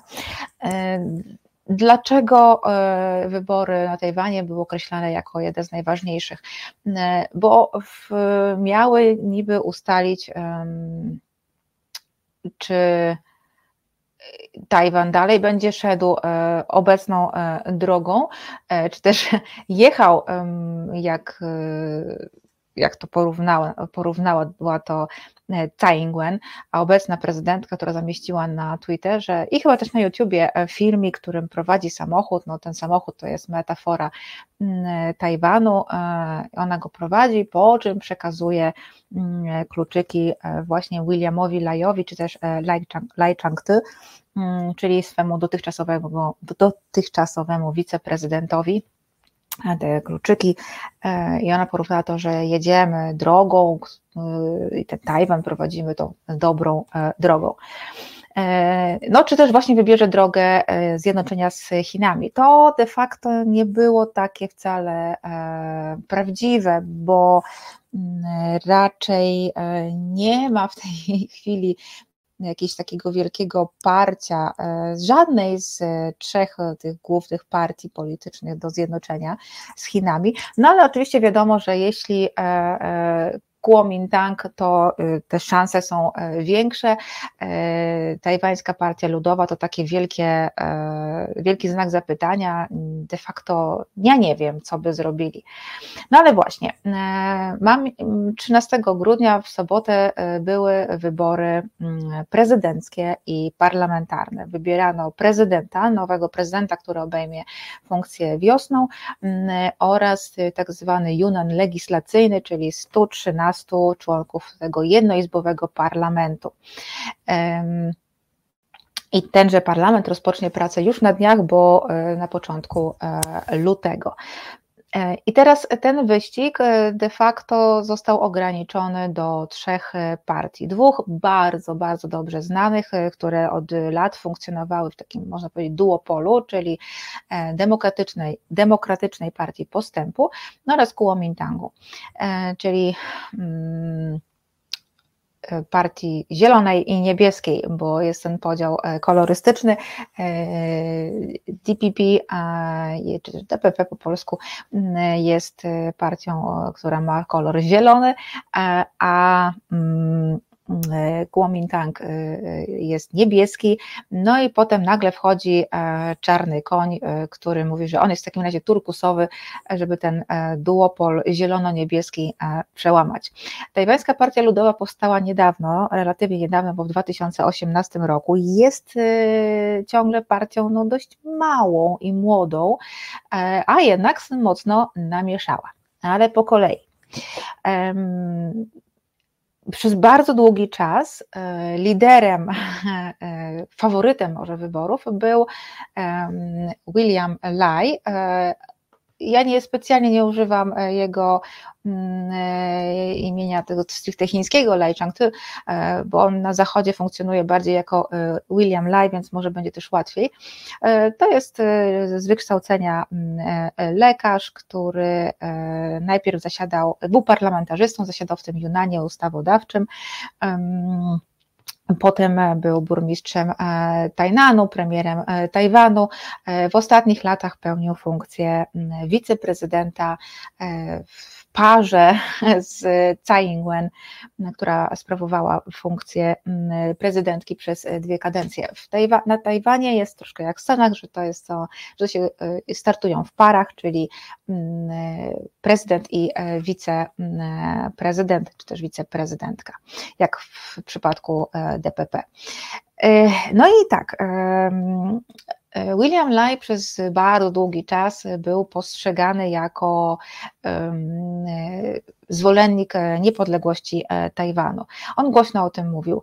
Natomiast w ostatnich latach troszkę, e, troszkę spuścił stonu i chyba może, może pod wpływem Tsai Ing-wen, która prowadziła taką bardziej mm, stonowaną politykę. Oczywiście mówiła, że Tajwan musi pozostać niezależny od Chin. Mówiła cały czas o tej autonomii. Natomiast raczej um, powstrzymywała się z dążeniem do niepodległości. Może tak to, może tak to y, ujmijmy. E, to chyba słuszna polityka, bo zapewniła Tajwanowi e, lata e, spokoju i te lata spokoju pozwoliły na e, fantastyczny e, rozwój e, gospodarczy. Mm, już w kampanii, czy nawet chwilę przed kampanią, William Lai mówił, że będzie jako prezydent będzie kontynuował tę, jak on to nazywał, pragmatyczną i stabilną chyba politykę Tsai Ing-wen i że będzie otwarty na dialog z Chinami ale jednocześnie zdecydowanie e, sprzeciwiał się e, wszelkim agresywnym zachowaniom mm, Pekinu wobec e, Tajwanu. Był zwolennikiem, tak jak zresztą Tsai Ing-wen, był zwolennikiem rozbudowy mm, armii, żeby w razie czego Tajwan miał możliwości obrony. Bardzo jasno opowiadał się za dalszym zbliżeniem z Waszyngtonem. Zresztą, tak jak powiedziałam o tej parze, E, on, e, sam fakt, że wybrał sobie na wiceprezydentkę Bikim Xiao, mm, też e, była jasnym znakiem, że będzie kontynuował politykę E, prozachodnią, proamerykańską. Big Xiao e, to kobieta, e, to pierwsza wiceprezydentka Tajwanu nieurodzona na Tajwanie. Ona też jest wykształcona w Stanach Zjednoczonych, bo nie pamiętam, ona się urodziła w Japonii czy w Hongkongu, nie pamiętam. W każdym razie studia skończyła mm, w Stanach Zjednoczonych, skończyła Uniwersytet e, Columbia, chyba nauki polityczne, mm, po czym wróciła e, do, e, na Tajwan i wstąpiła do Demokratycznej Partii Postępu, gdzie odpowiadała za właśnie sprawy polityki mm, zagranicznej. W 2020 roku była pierwszą kobietą, e, która została szefową dyplomacji Tajwanu w Stanach Zjednoczonych. No nie możemy powiedzieć ambasadorką, bo oficjalnie to nie jest ambasada, mm, e, de facto e, jest. Więc więc e, tutaj już widać, że, e, staw, że mm, William Lai postawił na takiego konia proamerykańskiego. Ona ma bardzo duże kontakty w Stanach Zjednoczonych, mm, jest tam lubiana, jest tam doceniana, więc to na pewno jest jasny przekaz dla, był jasny przekaz i dla Chin, i dla świata pozostałego, tego zachodniego, no i dla, dla wyborców. Ja dwa lata temu, Boże, tak, to już, to już dwa lata temu, gdy wybuchła wojna w Ukrainie, pisałam na, na portalu Resetu Obywatelskiego troszeczkę o Bikim Xiao. Ona określa siebie jako kocią wojowniczkę. To jest stwierdzenie w opozycji do tego, tego, tej idei wilczej dyplomacji chińskiej. Ona o sobie mówi, że jest kocią wojowniczką i w ogóle Tajwan porównuje do kotów. Ona twierdzi, że Tajwan ma, tak jak koty, ma, jest niezależny, ma dziewięć żyć, bardzo trudno go do czegoś zmusić, ale wszyscy go, wszyscy kochają koty, no i wszyscy kochają mm, Tajwan. Także mm, przekaz jasny. Ta, William Lai zresztą w kampanii kilkakrotnie też e, oskarżał Chiny o wpływa, próbę wpływania na, na wybory, e, na wybory Mm, mieszkańców Tajwanu. E, nie jest to, e, nie jest to, mm, nie są to oskarżenia pozbawione e, słuszności, racji, bo faktycznie jeszcze w trakcie kampanii wyborczej przecież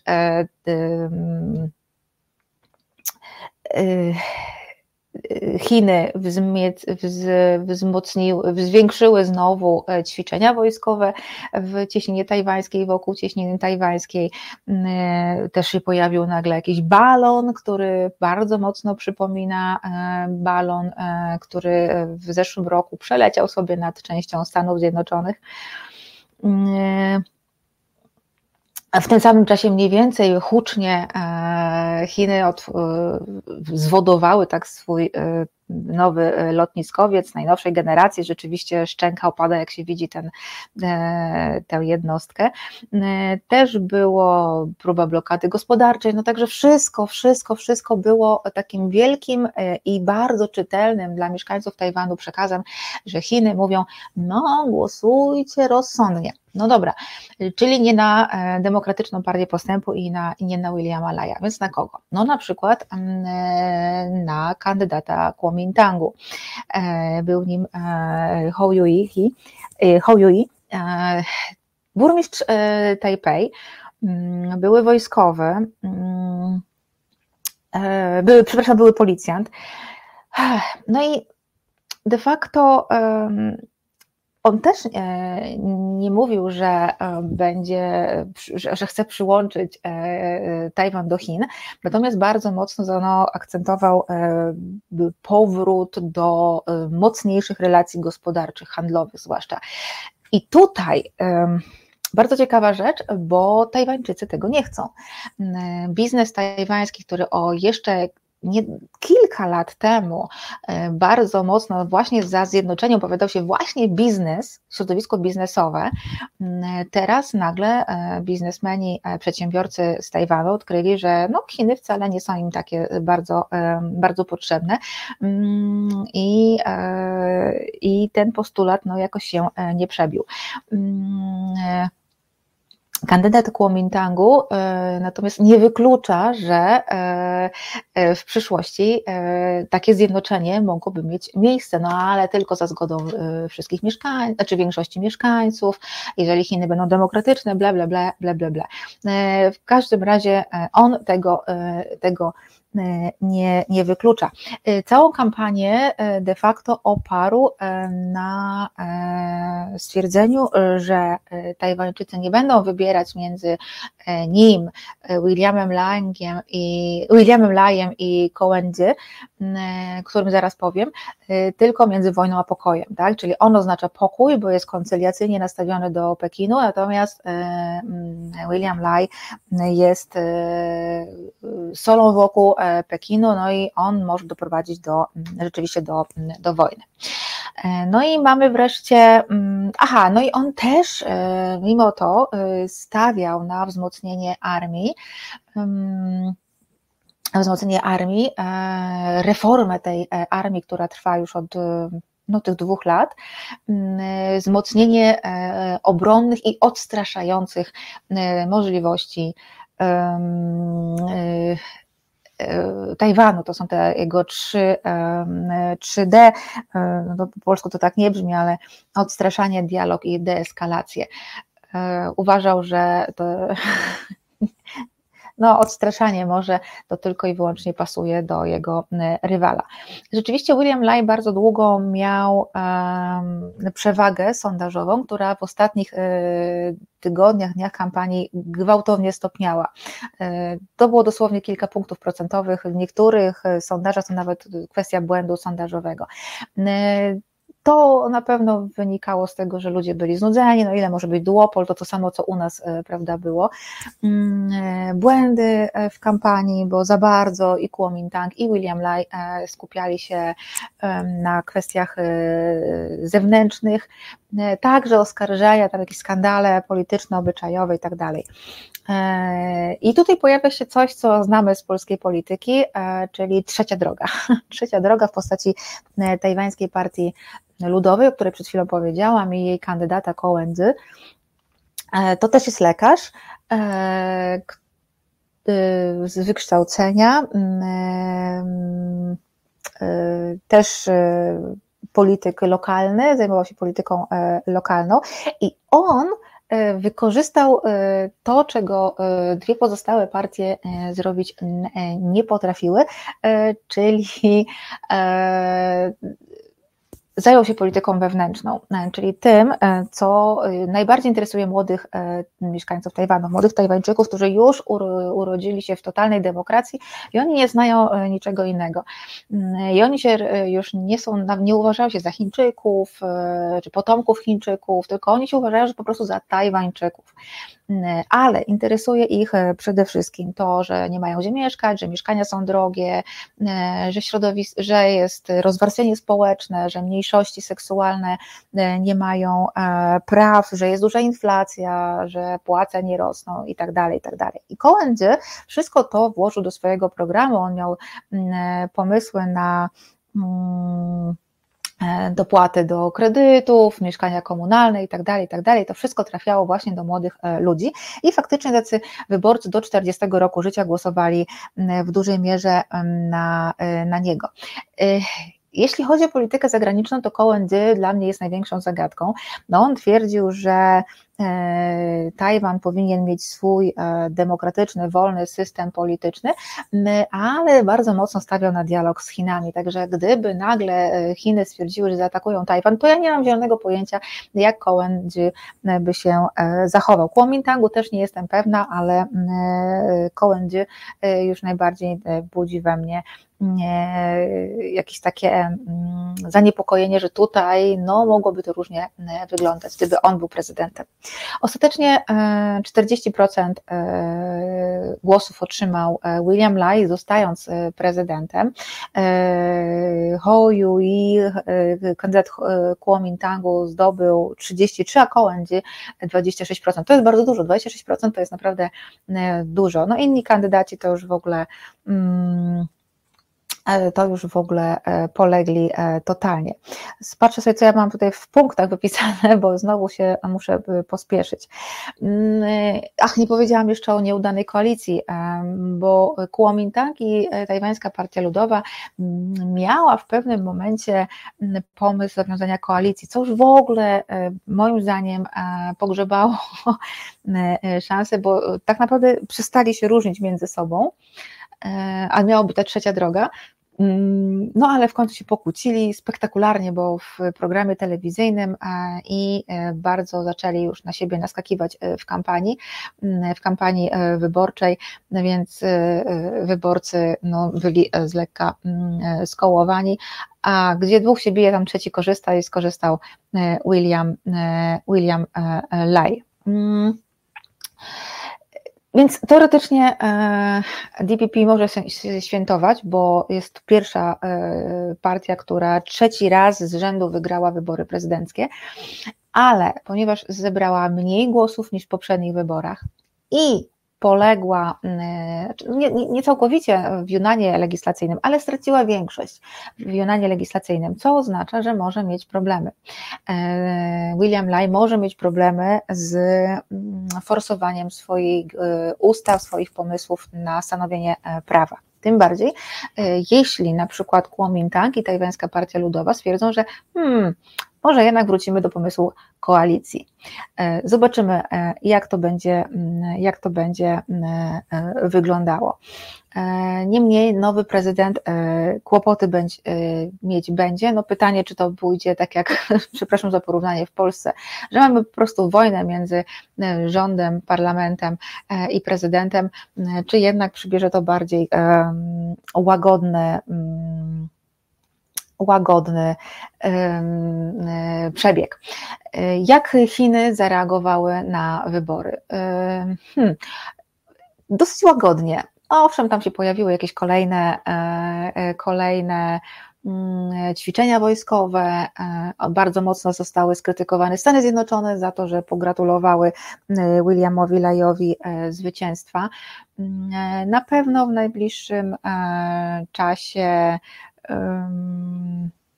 Y, będzie zwiększana ta presja wojskowa w jakiś tam sposób, czyli będą kolejne jakieś tam ćwiczenia mm, wojskowe.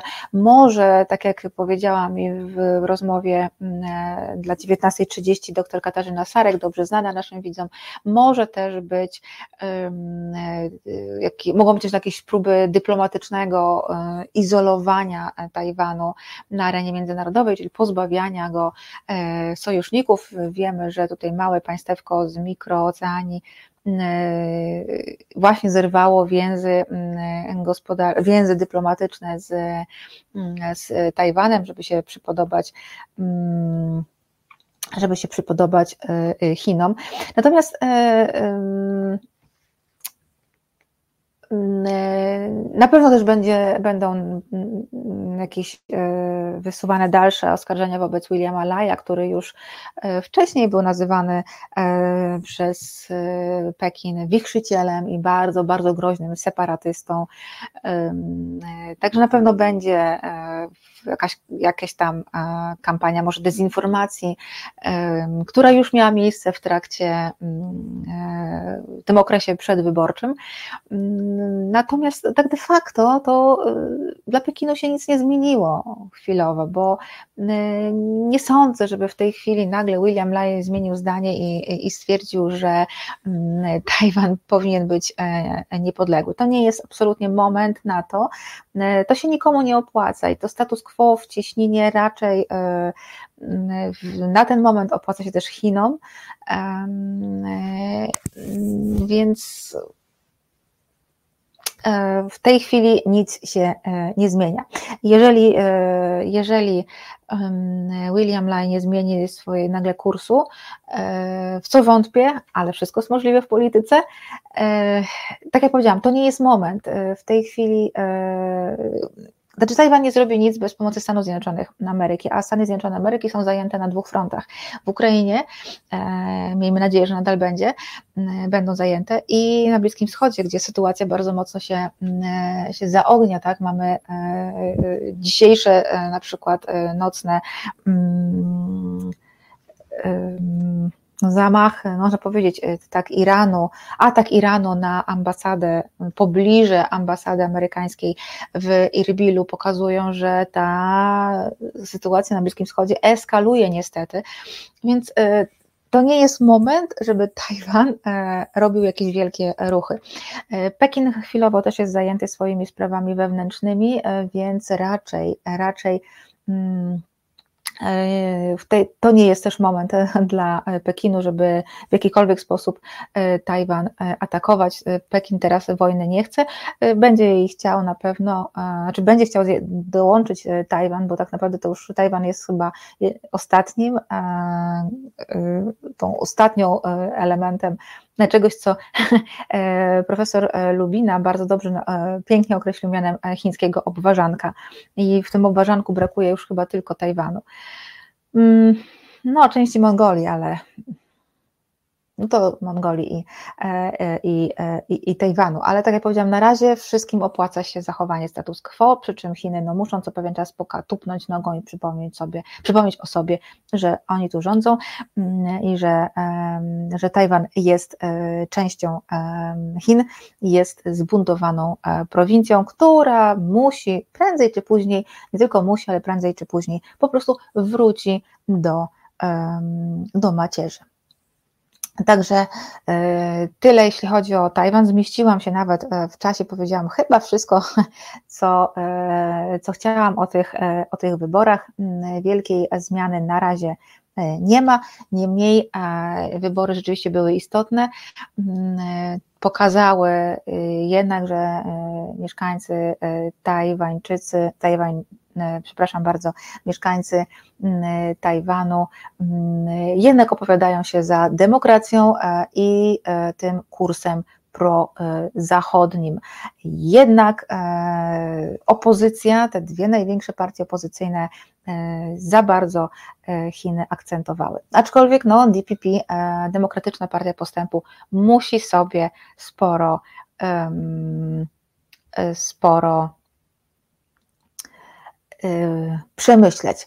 Się gdybam, a co ewentualnie po Tajwanie? Ciekawe, jakie Chiny mają dalsze plany na ekspansję. Chiny przede wszystkim muszą y, się scalić, tak, y, tak mówię z punktu widzenia chińskiego. I to jest, to jest najważniejsze dla Chin. One muszą być całością w momencie, kiedy będzie świętowane 100 lat chińskiej Republiki Ludowej. I to jest y, oczywiste. Y, y, I to jest oczko w głowie Xi Jinpinga, w związku z czym myślę, że w tej chwili to. Czy Mongolia? Nie wiem. Na razie raczej odpowiada Chinom status quo też tu, ale zobaczymy. No już Hongkong mają, Makao mają. Um, Sinciak podporządkowany, także niewiele już e, zostało. Agnodar, bardzo dziękuję za dzisiejszą audycję. Krzysztof Gutowski i informacje o Tajwanie. Bardzo dziękuję, Agnodar. Widzę, że e, wsparłeś nas e, wyjątkowo, także bardzo Ci za to dziękujemy. Mm, jeśli Wy chcielibyście iść w, w ślady Agnodara, to bardzo mocno oczywiście zachęcam. Mm, no bo z tego też my się utrzymujemy. A e, Dorota dzisiaj nic nie pisała, więc ja powiem, jeżeli Wam się audycja podoba, to ja będę wdzięczna nawet za kciuk w górę, bo to też pokazuje dla mnie, że podoba Wam się to, co robię, mm, podobają Wam się tematy, które mm, dla Was e, wybieram e, e, i goście, których zapraszam. Także bardzo, bardzo Wam dziękuję za, za dzisiaj. Dziękuję w imieniu swoim i Marcina, który tę audycję tak fantastycznie zrealizował. Bardzo Wam dziękuję i mam nadzieję widzimy się za tydzień we wtorek o 19. Do zobaczenia.